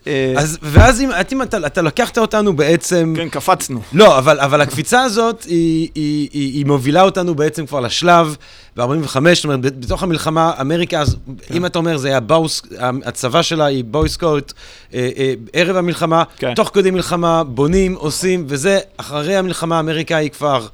אה, אימפריה צבאית, כן. אה, האנגלים כבר מאבדים את הודו, לגמרי. אה, מאבדים את סין למאו, מאבדים את הודו, המזרח התיכון משתחרר, אנגליה מתמודדת עם ה... זה מעניין אבל שאתה משתמש בפועל מאבדים, כאילו זה השאלה אם התחילה, נכון, אבל זה בדיוק זה. אחד מהדברים הכי חשובים, בשנות, אמריקה, סוף שנות ה-40, הוויכוח הפוליטי הכי חם באמריקה היה who lost China. המושג הזה, who lost China, כאילו זה היה שלהם להצדיע. איך אמר אה, אה, ג'ון קליס במונטי פייתון, אני חושב שזה ב-meaning of life, אומר, to honor the British, the English soldiers who died keeping China British. בדיוק, בדיוק. אמ, ואז אמריקה, אבל מה שמעניין גם בשנות ה-40, זה שמשהו שאולי... אה, עם כל העלייה של סין בימינו, שהם גם צריכים לראות איך הם מצליחים לפצח, את, ה, את, ה, את אמריקה הופכת להיות גם בעצם הבירה התרבותית של העולם. זה, יש הוליווד שמתחילה... יש מי שיחלוק עליך, אה. הרי כאירופאים, אתה בעצמך אירופאי, איך, איך אתה מקבל את זה שאמריקה זה מרכז תרבותית? זה טראש, יש מי שיגיד, נכון? הביקורת כן. של האירופאים היה בשנות ה-50-60, רגע, רגע, רגע, לנו, מה הדבר האחרון שיש לנו? אין לנו יותר השפעה כלכלית, אין לנו יותר השפעה צבאית, אבל לפחות תשאיר לנו את הרנסאנס, תשאיר לנו משהו. כמובן, כמובן שהתרבות הגבוהה... היי קולצ'ר. התרבות הגבוהה היא ספציפית נשארת באירופה, ועוד נכון. יותר ספציפית בפופיק שלי, אוקיי. אישית, אוקיי. שלי. אוקיי. אבל כשאני מדבר תרבות, אני כן. אני אומר תרבות במובן רחב, וזה כולל לאכול המבורגר וצ'יפס עם קוקה קולה, נכון. וזה כולל... אה, אה, אה, תרבות המונית. להזיל ריר על ג'יימס דין, וזה כולל, אם אתה רוצה להיות ביטלס עולמי, אז אתה חייב... לעבור דרך אד סוליבן. נכון. ובינינו, בעיניי, גם התרבות שאני אישית אה, אה, צורך, ומיילס דייוויס, נינה נכון. סימון, או בוב דילן, אה, לאונרד כהן, אלן גינזברג, המשורר שאני כל כך... זאת אומרת, הסרטים הגדולים של הוליווד, כולם, כולם, במובן של כולם, אחר כך יכול להיות שיש לך כל מיני פלוצים כמוני שיגידו, כן, אבל תראה את הקולנוע הצרפתי וזה, אבל... וודי אלן עדיין, אני חושב שהוא חוזר לצרפת כל פעם. חוזר לצרפת. לא, בגלל שהוא נסחף לשם בגל של מיטו איכשהו, כן. והוא מצא... ל- נכון, רומן פולנסקי, זה מעניין שהם... כן. למה הם כולם חוזרים לאירופה? זה גם מדאיג. ולמה הם הרבה מהם יהודים? אבל זו שאלה. לפודקאסט אחר. זאת שאלה אה, טובה לפודקאסט, למה הם רובם יהודים. כן, למה יש הרבה? זה, האמת, אימא שלי, יש לה את הקטע הגלותי הזה של אוי ואבוי, כאילו, מה יגידו עלינו? ועכשיו כל שבועיים אתה מקבל עוד איזה אנס יהודי גדול בארצות הברית. כן. לפחות יש גם את דונלד טראמפ. שהוא לא יהודי. אבל אז הנקודה היא שמה, האם זה מודע, הפיכתה, ש... כי הרי יש את כל השיחה, כל הדיבור הזה, זה שממש ה-CIA תמך כן. אה, בתצוגות אה, כן. אומנות של ג'קסון פולוק וכו'. נכון. האם באופן מודע אמריקה מבקשת להפוך את עצמה למעצמה תרבותית, תרבות נמוכה, גבוהה, לא משנה, כדי לקדם את השליטה הכלכלית שלה היא- בעולם, או זה פשוט תהליך שהוא נכון. פרזיט על הכוח שלה? זה, זה גם ביצה ותרנגול, אבל בסוף הרי אנחנו מתחילים ב-1945 בעולם חדש לגמרי. עולם ש... אה, זה צ'רצ'יל אמר, The old world and the new world, נכון? העולם החדש, שזה אמריקה, לא רק זה שהציל את העולם החדש, הוא, הוא גם בעצם היחיד שנותר על כנו. אירופה, זה איי חורבות, נכון? כלכלית, דמוגרפית, פיזית. ערים, אין, לונד, גם לונדון, ברלין, דרזדן. אה, ובעצם אז כולם מסתכלים, מי, מי היחיד שלא נפגע בעצם? בגלל, כן. הרי כרוסיה גם, ברית המועצות שהיא לכאורה ה- היריב העיקרי, ברית המועצות הרוסה, אה, כן, עשרות מיליוני הרוגים. עשרות מיליוני הרוגים. עשרות מיליוני, כן, זה, מ- כן. מי שבסוף מנצח את המלחמה ונושא את העול, זה ברית המועצות. כן. לעולם לא נבין מה חשב היטלר. שסטלין הסכים לחלק איתו הרי את אירופה, כן. אבל גם ככה זה... בינינו. אבל גם היה, אה, אם כבר, יש את הטעות הגדולה הזאת שהוא עושה, שהוא פונה ימינה לשדות החיטה של אוקראינה. הוא היה צריך... הוא היה מגיע למוסקבה, הוא גם היה צריך את הנפט אבל, הוא היה כן. צריך את הנפט, הוא היה- היה צריך לרדת לדרומה לקווקז. אה, הבנתי. כי כי אין לו את הנפט, אם היה לו נפט, לרוסים יש נפט, לאמריקאים יש נפט, אין לו נפט. זה אחד מה... אחד מה... גם בגלל זה משאבי טבע, גם ליפנים לא היה נפט, בגלל זה כל כך חשוב. אה, בגלל זה הסינים היום באפריקה ובמזרח תיכון, ועם האיראנים כל כך חשוב, גם להם אין כן. נפט משלהם. אה, בכל אופן, אז, אז המלחמה מסתיימת, אה, וארצות הברית, זה באופן מודע. בסדר? זה באופן מודע, גם מבחינת האחריות של האליטות, של ההנהגה האמריקאית שמבינה, קודם כל, תראה מה קרה פעם אחרונה, שנות ה-20 וה-30, לא, לא עשינו כלום, לא לקחנו חלק בעולם, העולם קרס. אז גם העניין הזה של למנוע את הטעות הזאת, למנוע מ... אז אנחנו עכשיו בעצם, זה גם מעניין, אנחנו הבירה של המערב, כן. יש את האיירון קרטון, אנחנו הבירה של המערב, אנחנו השוטר העולמי, כן. אנחנו הצבא הכי חזק, אה, אה, אה, אנחנו מייצרים את התרבות העולמית, כולם לובשים, כן. לובשים ג'ינס, וכל הבאמת הילדים האלה באנגליה שעושים את, ה, את המהפכה של הרוק בשנות ה-60, הם כולם גודלים על אלוויס ועל הבלוז. וזה אמריקה הגדולה שלנו, ואולי אנחנו לאט לאט מתקרבים כבר לסוף הפודקאסט, אבל אולי עם הנפילה של ברית המועצות בשנות ה-80, אנחנו אולי נסגור יפה עם רייגן, shining, city on hill, כן. ואז בכלל. נכון. אז אנחנו באיזושהי תקופה משיחית. פוסט-היסטוריה אומרים. כן, התחושה הזאת שהגענו לסוף ההיסטוריה, היא בעצם בגלל שיש עולם שיש בו מעצמה אחת כן. בסוף שנות ה-80. רעיון אחד, ורעיון אחד, ליברליזם וזה קפיטליסטי. הליברליזם האמריקאי, וזהו, ואנחנו נהיה כולנו אמריקאי, ואנחנו מגיעים לעידן משיחי, שבו כן. כולנו אוכלים ביג מק, ושותים קוקה קולה, ושרים Born in the USA של ברוס פרינגסטין, זה שיר ביקורת בכלל. שהוא שיר ביקורת בכלל, נכון? שוכחים. אבל לא הבין את זה גם. מה שחשוב זה הכותרת. נכון, אחר נכון. כך, אחר כך זה לא משנה. זה כמו שטראמפ רץ עם השיר של הרולינג סטונס, You can't always get what you want, שא' אני לא לגמרי הבנתי מה הוא... לא- הם לא תבעו אותו משהו? כן, הם אמרו לו להפסיק. זהו. אבל בעצם מה שמעניין, שכמובן אז אנשים אומרים 9-11, אתה רואה שעוד יש עוד פתאום דת בעולם, או יש דת אה, פונדמנטליסטית וזה, אבל אני, כן רוצה לסיים, אה, אה, כי אתה נתת לנו תמונה כל כך רחבה כן, ויפה של העלייה. שזה טוב, כי אני חושב ש... אה, אה, זה פה תוכנית של גלישה בעצם, אוקיי, בפודקאסט זה בעצם מה הזה. שעשינו. אבל, אבל, אבל האם, השאלה היא באמת הגדולה, אה, אה, אם, אם, אם, אם לפודקאסט הזה קוראים עלייתה ושקיעתה של המעצמה האמריקאית, היינו הרבה בעלייה, יש דיבור הולך וגובר ממש בימים אלה. שיש לנו סימנים של שקיעה. כן, אז קודם כל- שיש לנו איזשהו נרו, יש לנו איזה, באמת אם נחזור לרומא, יש לנו, אה, לא דיקטטור, אבל יש לנו מנהיג אה, אה, דקדנט, כן, שהוא מייצג את הדקדנטיות. זאת אומרת, אם התרבות האמריקאית הזאת הייתה תרבות נמוכה, תרבות של entertainment, אה, ה entertainment נכנס לפוליטיקה, השתלט על נכון, הפוליטיקה. בהדרגה, גם רייגן, גם כן. קלינטון, גם אובמה, ריאליטי, כולם עשו שימוש בזה. כוכב ריאליטי ריק, כן. השתלט לו על, על, על אמריקה ללא שום כבוד ומושג לגבי הקונסטיטוציה והאידיאלים, מה הוא אמר? זה phony, אחד מה clauses. נכון, phony clause. phony clauses, נכון, לא. לא שם פס נכון. על ה constitution ועל ג'פרסון ועל פה ועל שם, מה שה constitution שלו זה The Art of the Deal, שגם את זה הוא לא כתב, ואנשים אומרים, יש, אנחנו רואים שקיעה, אנחנו אומרים רוסיה עולה שוב, פוליטית, ובעיקר סין, שהיא עצמה. מה אתה אומר על זה? קודם כל, אני רק, אני אתן, השיח של השקיעה קיים מההתחלה. מאותם רגעים שדיברנו על המייפלאואר וזה, לאורך כל אותה היסטוריה, יש גם את האנשים שמדברים על שקיעה. אחרי מלחמת האזרחים, אפילו אחרי המהפכה כבר, ג'פרסון, ג'פרסון אמר, אמר, אה, איך, איך, איך הוא אומר, אה, the, the tree of liberty אה, must be refreshed with the blood of tyrants every 20 years. כלומר, העניין זה ש, שצריך להחיות את עצמנו מחדש. צריך מהפכות, כל הזמן צריך להחיות את עצמנו מחדש. זה משהו טבוע באתוס האמריקאי, זה טבוע ב. ברעיון הפרוטסטנטי של born again. מה זה born again? שאנחנו נולדים מחדש. אה, אז זה תמיד מלווה את ארצות הברית, החשש משקיעה, ואני לא אכנס היסטוריות, אבל אחרי מלחמת האזרחים, ב New Deal, ספוטניק, אחרי שהרוסים משגרים את ספוטניק ב-1957, את הלוויין, כל אמריקה בהיסטריה, שהם שוקעים והרוסים עברו אותם מבחינה מדעית וכל זה. אז זה לא חדש. מה שכן מעניין הוא ש... בוא, הת- התחלנו עם טראמפ, נסיים עם טראמפ. אני מזכיר לך, make America great again. Again, כן. again, ה again הזה, זה הסלוגן המנצח של טראמפ, וזה לא רק, העניין של השקיעה הוא לא מעכשיו. הייתי אומר אפילו שטראמפ נבחר בגלל שהתחושה הזו שאמריקה בשקיעה. זה ההגן הזה, כי הוא אומר, אנחנו, אם הוא אומר הגן, אז המשמעות היא שאנחנו כבר לא בעלייה, נכון? למרות שהנתונים מראים שדווקא אה, הרבה יותר, זאת אומרת, מה- מה בשנות החמישים היה... מה המדד שלך? ל- זה המדד כן, שלך. מה המדד שלך? כן. אז- ומי אתה גם? כי לא, בשנות בדיוק, החמישים, בדיוק, אם אני אפרו-אמריקאי, אז בדיוק. עדיף לי להיות אז ב-2005. בדיוק, אז make America great again, אז השאלה, צריך להמשיך את השאלה, for who? Yeah. for who? אז, אז טראמפ, הוא לא אומר את זה באופן ברור, אבל ודאי שזה פונה לחלק, לאנשים שבשבילם, שנות ה-50, ה-60, שנות ה-80 של רייגן, היה תקופת זהב. אה, אז כמובן אנשים לבנים, קודם כל.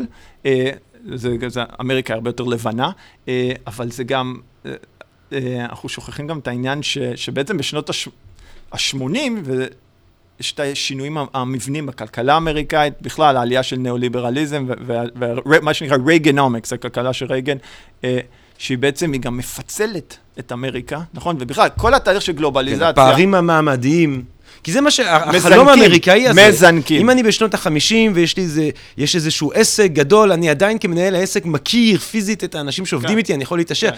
ב- אחרי רייגן, אני, יש את הבורד שהוא בניו יורק, ואף אוקיי. אחד לא שם פס על העובד הקטן באלבמה. אז קודם כל ניאו-ליברליזם, המעבר של, של, של הון, נכון, לכל העולם, זו תופעה לא רק אמריקאית, היא, היא, היא אולי נ- היא תמונה באמריקה והיא מתחילה שם, אבל היא כמובן זו תופעה גלובלית, אה, שגם באירופה ובמזרח הרחוק, ביפן, אבל אה, בסוף העניין פה הוא ש, שטראמפ מדבר על make America great again, אה, אז זה for who? אה, זה כמובן, זה לא לאפרו-אמריקאים, אבל זה גם לא, ופה כן צריך להגיד משהו על מה שטראמפ קלט וצדק. אה, וזה מה שאובמה לא הבין, ויש לי הרבה סימפתיה לאובמה, אה, אבל שה... במיוחד אחרי המשבר של 2008-2009, אבל בכלל, כל ההתפתחות הכלכלית, כולל בשנות קלינטון, שנחשב כתור הזהב, אמריקה הולכת ומתפצלת מבחינת אי שוויון כלכלי, וכל האזורים האלו, מישיגן, וויסקונסין, פנסילבניה, מה שנקרא Rust Belt, האזור של הייצור, collar, white כן. workers, נכון, הצווארון כחול, לבנים.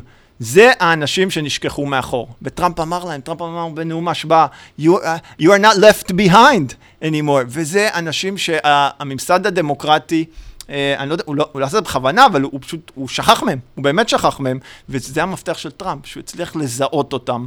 אה, ובגלל ה, ה, המורכבות של השיטה האלקטורלית האמריקאית, זה כן. כן אפשר לו לקחת וויסקונסין, מישיגן, פנסילבניה, אוהיו, זהו, זה כל מה- שהוא היה צריך. וזה אזורים ואוכלוסיות של למרות לבנים. שכמובן מבחינה... יש- היו פחות אמריקאים כן, שהצביעו לא, לתחומה של הילרי, אבל היה לו יותר... קלינטון לקחה ש- ש- לו שלושה מיליון אה, יותר איך אומרים קולות. בעברית? אה, מה? ה electors. electoral כן, קולג'. אה, איך אומרים? השיטה האמריקאית השיטה, כן, שיטת האלקטורים. אבל כן. אתה יודע מה, אז אני אשאל אותך ככה, כי התחלנו גם עם הקונסטיטוציה הזאת, כן. שהיא, שהיא המסמך המכונן ושהיא, וה-checks and balances. אתה מעריך שאם אם אנחנו באמת הולכים, כי אם, אם הם פחדו מדיקטטור, כן. הם קראו את אה, גיבון, הם פחדו מטראמפ. הם פחדו- שאני- עכשיו, כשאני. קורא את הזה, אני רואה אותם חושבים על מישהו כמו טראמפ. עכשיו, או, או, ו- באמת, ותמיד גם אומרים, החשש הוא מה יבוא מישהו כמו טראמפ, אבל אה, מבריק. למרות שיכול להיות שטראמפ מבריק בדרך שלו. הדרך שלו. אבל, אבל, אבל אם, האם טראמפ, זאת אומרת, אם טראמפ נגיד אה, מאבד בבחירות ב-2020 ומסרב אה, להתפנות, או אם טראמפ באמת עכשיו עושים לו את ה-impeachment trial, כן. ברור שהוא אשם בסיפור הזה עם אה, אוקראינה וזה, הוא אומר את זה בעצמו בגאווה גדולה, אז הוא מסרב לרדת מכס המלכות. הוא, איך, אתה חושב שה... אני לא יודע, זה בחיים לא קרה. וגם ני- חושב- גם כן. ניקסון, נכון, גם האנשים שלכאורה היו הכי אה, crooks, והיו הרבה crooks, בוא נגיד, גם דמוקרטים, גם רפובליקאים, אפילו ניקסון קיבלו את החוקה, וזה היה קונצנזוס, כן. וגם הרפובליקאים הכי שמרנים. כן. אנשים- ומה שמדהים אותי, כלומר, שוכחים, ניקסון בסוף מחליט להתפטר כי בא אליו ברי גולדווטר, שהוא אבות הסנטורים הרפובליקנים השמרנים, הכי שמרנים, אבל תמיד היה גבול בהקשר של החוקה. אתה יכול לפרש אותה, להתווכח עליה, הפלות, דברים כאלה, כן. ש- ש- ש- ש- חופש הדיבור והעיתונות, אבל, אבל אתה מקבל את המסגרת של החוקה. והחשש האמיתי עם טראמפ, שזה שהוא לא מבין אותה או לא קרא אותה, אין לי ספק, אבל שהוא, אני לא יודע אם הוא מקבל אותה. לא, מה, מקבל- הוא מקבל את זה עצמו. מה שנורא. מפחיד, זה מה שנורא מפחיד. השאלה היא, נגיד, נגיד יש את הבחירות ב-2020, או יש לו impeachment right, או לא משנה מה, הוא מפסיד, הוא לא יקבל בחיים את התוצאות, הוא יגיד שזה ה... It was rigged. It זה rigged, זה הוא מקסיקני את וזה. זה. מי פיזית הולך ומוריד אותו שם מהבית הלבן? איך זה פועל? אה, אני רוצה להאמין שהרפובליקאים, אנשים כמו מיץ' מקונול, כן. אה, או-אה. שזה זה בסוף בידיים שלהם. אה, כי ככה זה היה עם ניקסון, והם באו אליו, היה ישיבה, באו אליו גולדוואטר וכמה סנטורים באים, אומרים לו, דיק, it's over, העסק גמור, אנחנו לא נתמוך בך. כן. וברגע שהוא הבין את זה, אז, אז הוא החליט להתפטר. אה, אצל טראמפ, אה, וואלה, אני לא יודע מה יקרה, כי אחת מהטרגדיות של אמריקה היום זה ההנהגה הרפובליקאית, כן. פשוט מעולם, שוב, אי אפשר להגיד מעולם, כי הייתה מלחמת אזרחים. אה, ש, שזה כן. באמת השבל שאני מקווה שלא סוחרי נגיע אליו. העבדים שם וזה. נכון, כן. אבל, אבל כן, בסוף זה האנשים שצריכים לבוא ולהגיד לו. אה, אבל ממה שאנחנו יודעים על הפסיכולוגיה של טראמפ, אה, לא, לא בטוח אם הוא מקשיב לאף אחד, כן. אה, אבל בסוף אני חושב שהדרך היחידה שהעסק הזה יכול להיגמר טוב, אם יש את התרחיש שתיארת אותו באמת, שהוא מסרב להתפנות מסיבה כזאת. זה, כן. זה יהיה מאחורי הקלעים, יבואו, יגידו לו, כל ההנהגה הרפובליקאית בסנאט, אה, מייק פנס, מייק כן. פנס שמכר את נשמתו, כן. הרי סגן נשיא אמריקאי מכר את נשמתו לחלוטין, אני לא יודע לכאורה נוצרי. לכאורה. ח- חי אחי חיים באמת פוריטנים, קורא לאשתו כן. mother, כן. כן. אסור לו להיות עם נשים אחרות בחדר, אגב. כן. אסור לו להיות עם נשים אחרות והוא בלי אבל אשתו. תומך בנשיא האנס.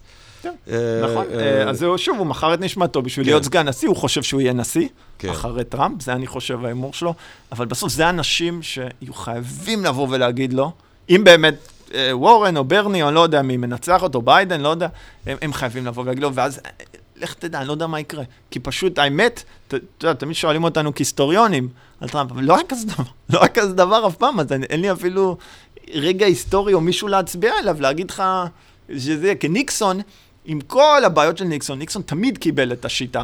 הוא היה קרוק, הוא היה שקרן, הוא היה תחמן, והוא כן. עשה, אבל הוא, לרגע הוא ניקסון לא היה האמת היא, מארגן לא. להבדיל, אבל גם אולמרט בסוף קיבל את את גזר הדין. אה, מעניין אה, פה עם ה... אה, עם עם- עם- ההקבלה עם- היא עם- מאוד מעניינת. עם- עם ביבי, זאת אומרת, ברי- אם אם ביבי, גם הוא, אני לא יודע, כן. מי פיזית מוציא את ביבי מבלפור, אם זה מגיע למצב שהוא מסרב להתפנות. זה, אני, אני לא יודע. אז אני שאלתי, אני, יש לי, מכיר, פגשתי מישהי שהיא הייתה בכירה בצה"ל, שאלתי מה, הגנרלים באים? זאת אומרת, כמו בטורקיה, אמרת, לא, לא, לא. הגנרלים, הצבא הישראלי לא בנוי לא, באופן לא טבעי. יכול הרי, בשום צורה, גם לא באמריקה. אז באמריקה זה לא יהיה הגנר... הצבא לא זה לא יכול יתערב. להגיע, ל- אם זה מגיע לרגע הזה, אם זה מגיע לזה, זה אומר שהדמוקרטיה קרסה, בין אם זה פה או בין אם זה שם, כן. כי זה אומר ששלטון החוק, מי שעומד בראשו, הנשיא האמריקאי, אני מזכיר, הוא לא... מה, מה הוא אומר בהשבעה? הוא אומר, I, I swear to uphold the constitution. כן. נכון? הוא נשבע אמונים לחוקה, כן. לשלטון טוב, החוק. יש לזה ובמקרה של איזושהי משמעות. הוא. אם הוא לא יקבל את שלטון החוק הזה, כן, זה בעצם, לא יודע מה יקרה, החוקה חוק- קורסת על עצמה, אני ממש אז שלא אתה חושב. שיש או אין שקיעה אמריקאית? אנחנו עדים לשקיעה של אמריקה, אה, או לא, אולי... אני- אני חושב שזה פשוט בסוף זה איזה אינדיקטורים. אמריקה עדיין מבחינה צבאית, מעצמה, אה, אף אחד לא מתקרב אליה. כן. ובאמת, רוסיה, לא ניכנס לרוסיה, זה לשיחה אחרת, הרוסים לא באמת מאיימים לארה"ב בשום צורה. בגלל זה כל המשקל שלהם עבר לסייבר. כבר לפני כן. הרבה שנים, כי צבאית הם לא יכולים להתמודד עם סינים? אמריקה. אה, סינים גם, אה, מבחלה צבאית עכשיו ב- ב- בים הסיני, אה, אין להם סיכוי, הם יודעים את זה גם, אין להם סיכוי, אולי עוד 20-30 שנה, אבל גם האמריקה, ה-qualitative edge, נכון, היתרון היחסי הטכנולוגי היום של הצבא האמריקאי, אף אחד לא מתקרב אליו, גם לא בתקצוב. הת- התקציב כן. האמריקאי, מה, אני חושב שהוא היום על 700 מיליארד דולר, זה משהו מטורף, ש- ש- שסין, רוסיה ועוד 20 מדינות אחריהן לא מתקרבות אליו. אז צבאית אף אחד לא מאיים על אמריקה, כלכלית, בסדר, אז התל"ג הסיני אולי עוד 5-10 שנים, ככה אומרים כל הזמן, יעבור את התל"ג. זה גם לא מאיים על אמריקה, כי עדיין ה-per capita והאמריקאי הממוצע הוא הרבה יותר עשיר ומרוויח הרבה יותר, גם מהסינים, אה, גם ממדינות מתפתחות אחרות, הודו, אינדונזיה, למרות שהם ממש לא שם. אה, אה, בסוף, מה שמאיים על אמריקה זה, מה שיביא את השקיעה זה פנימי. אה, ואם, אולי לסכם באמת, אם אתה שואל אותי, אני לא מאמין שאמריקה בשקיעה, לא האמנתי שאמריקה בשקיעה עד שטראמפ נבחר. אה, ואולי אה, זה בסוף השקיעה, הלקח ההיסטורי, דיברנו פה על הרבה היסטוריה, דמוקרטיות כמעט ואף פעם לא נופלות הרי למדינות זרות, הן קורסות לתוך עצמן, נכון? זה קרה לאתונה, זה קרה לרומא, אה, מקווה מאוד שזה לא יקרה לארצות הברית. דוקטור יואב חומר, תודה רבה לך, מרתק. ממש קלידוסקופ של עלייתה ואולי עדיין מוקדם לומר כנראה שקיעתה אה, של המעצמה האמריקאית.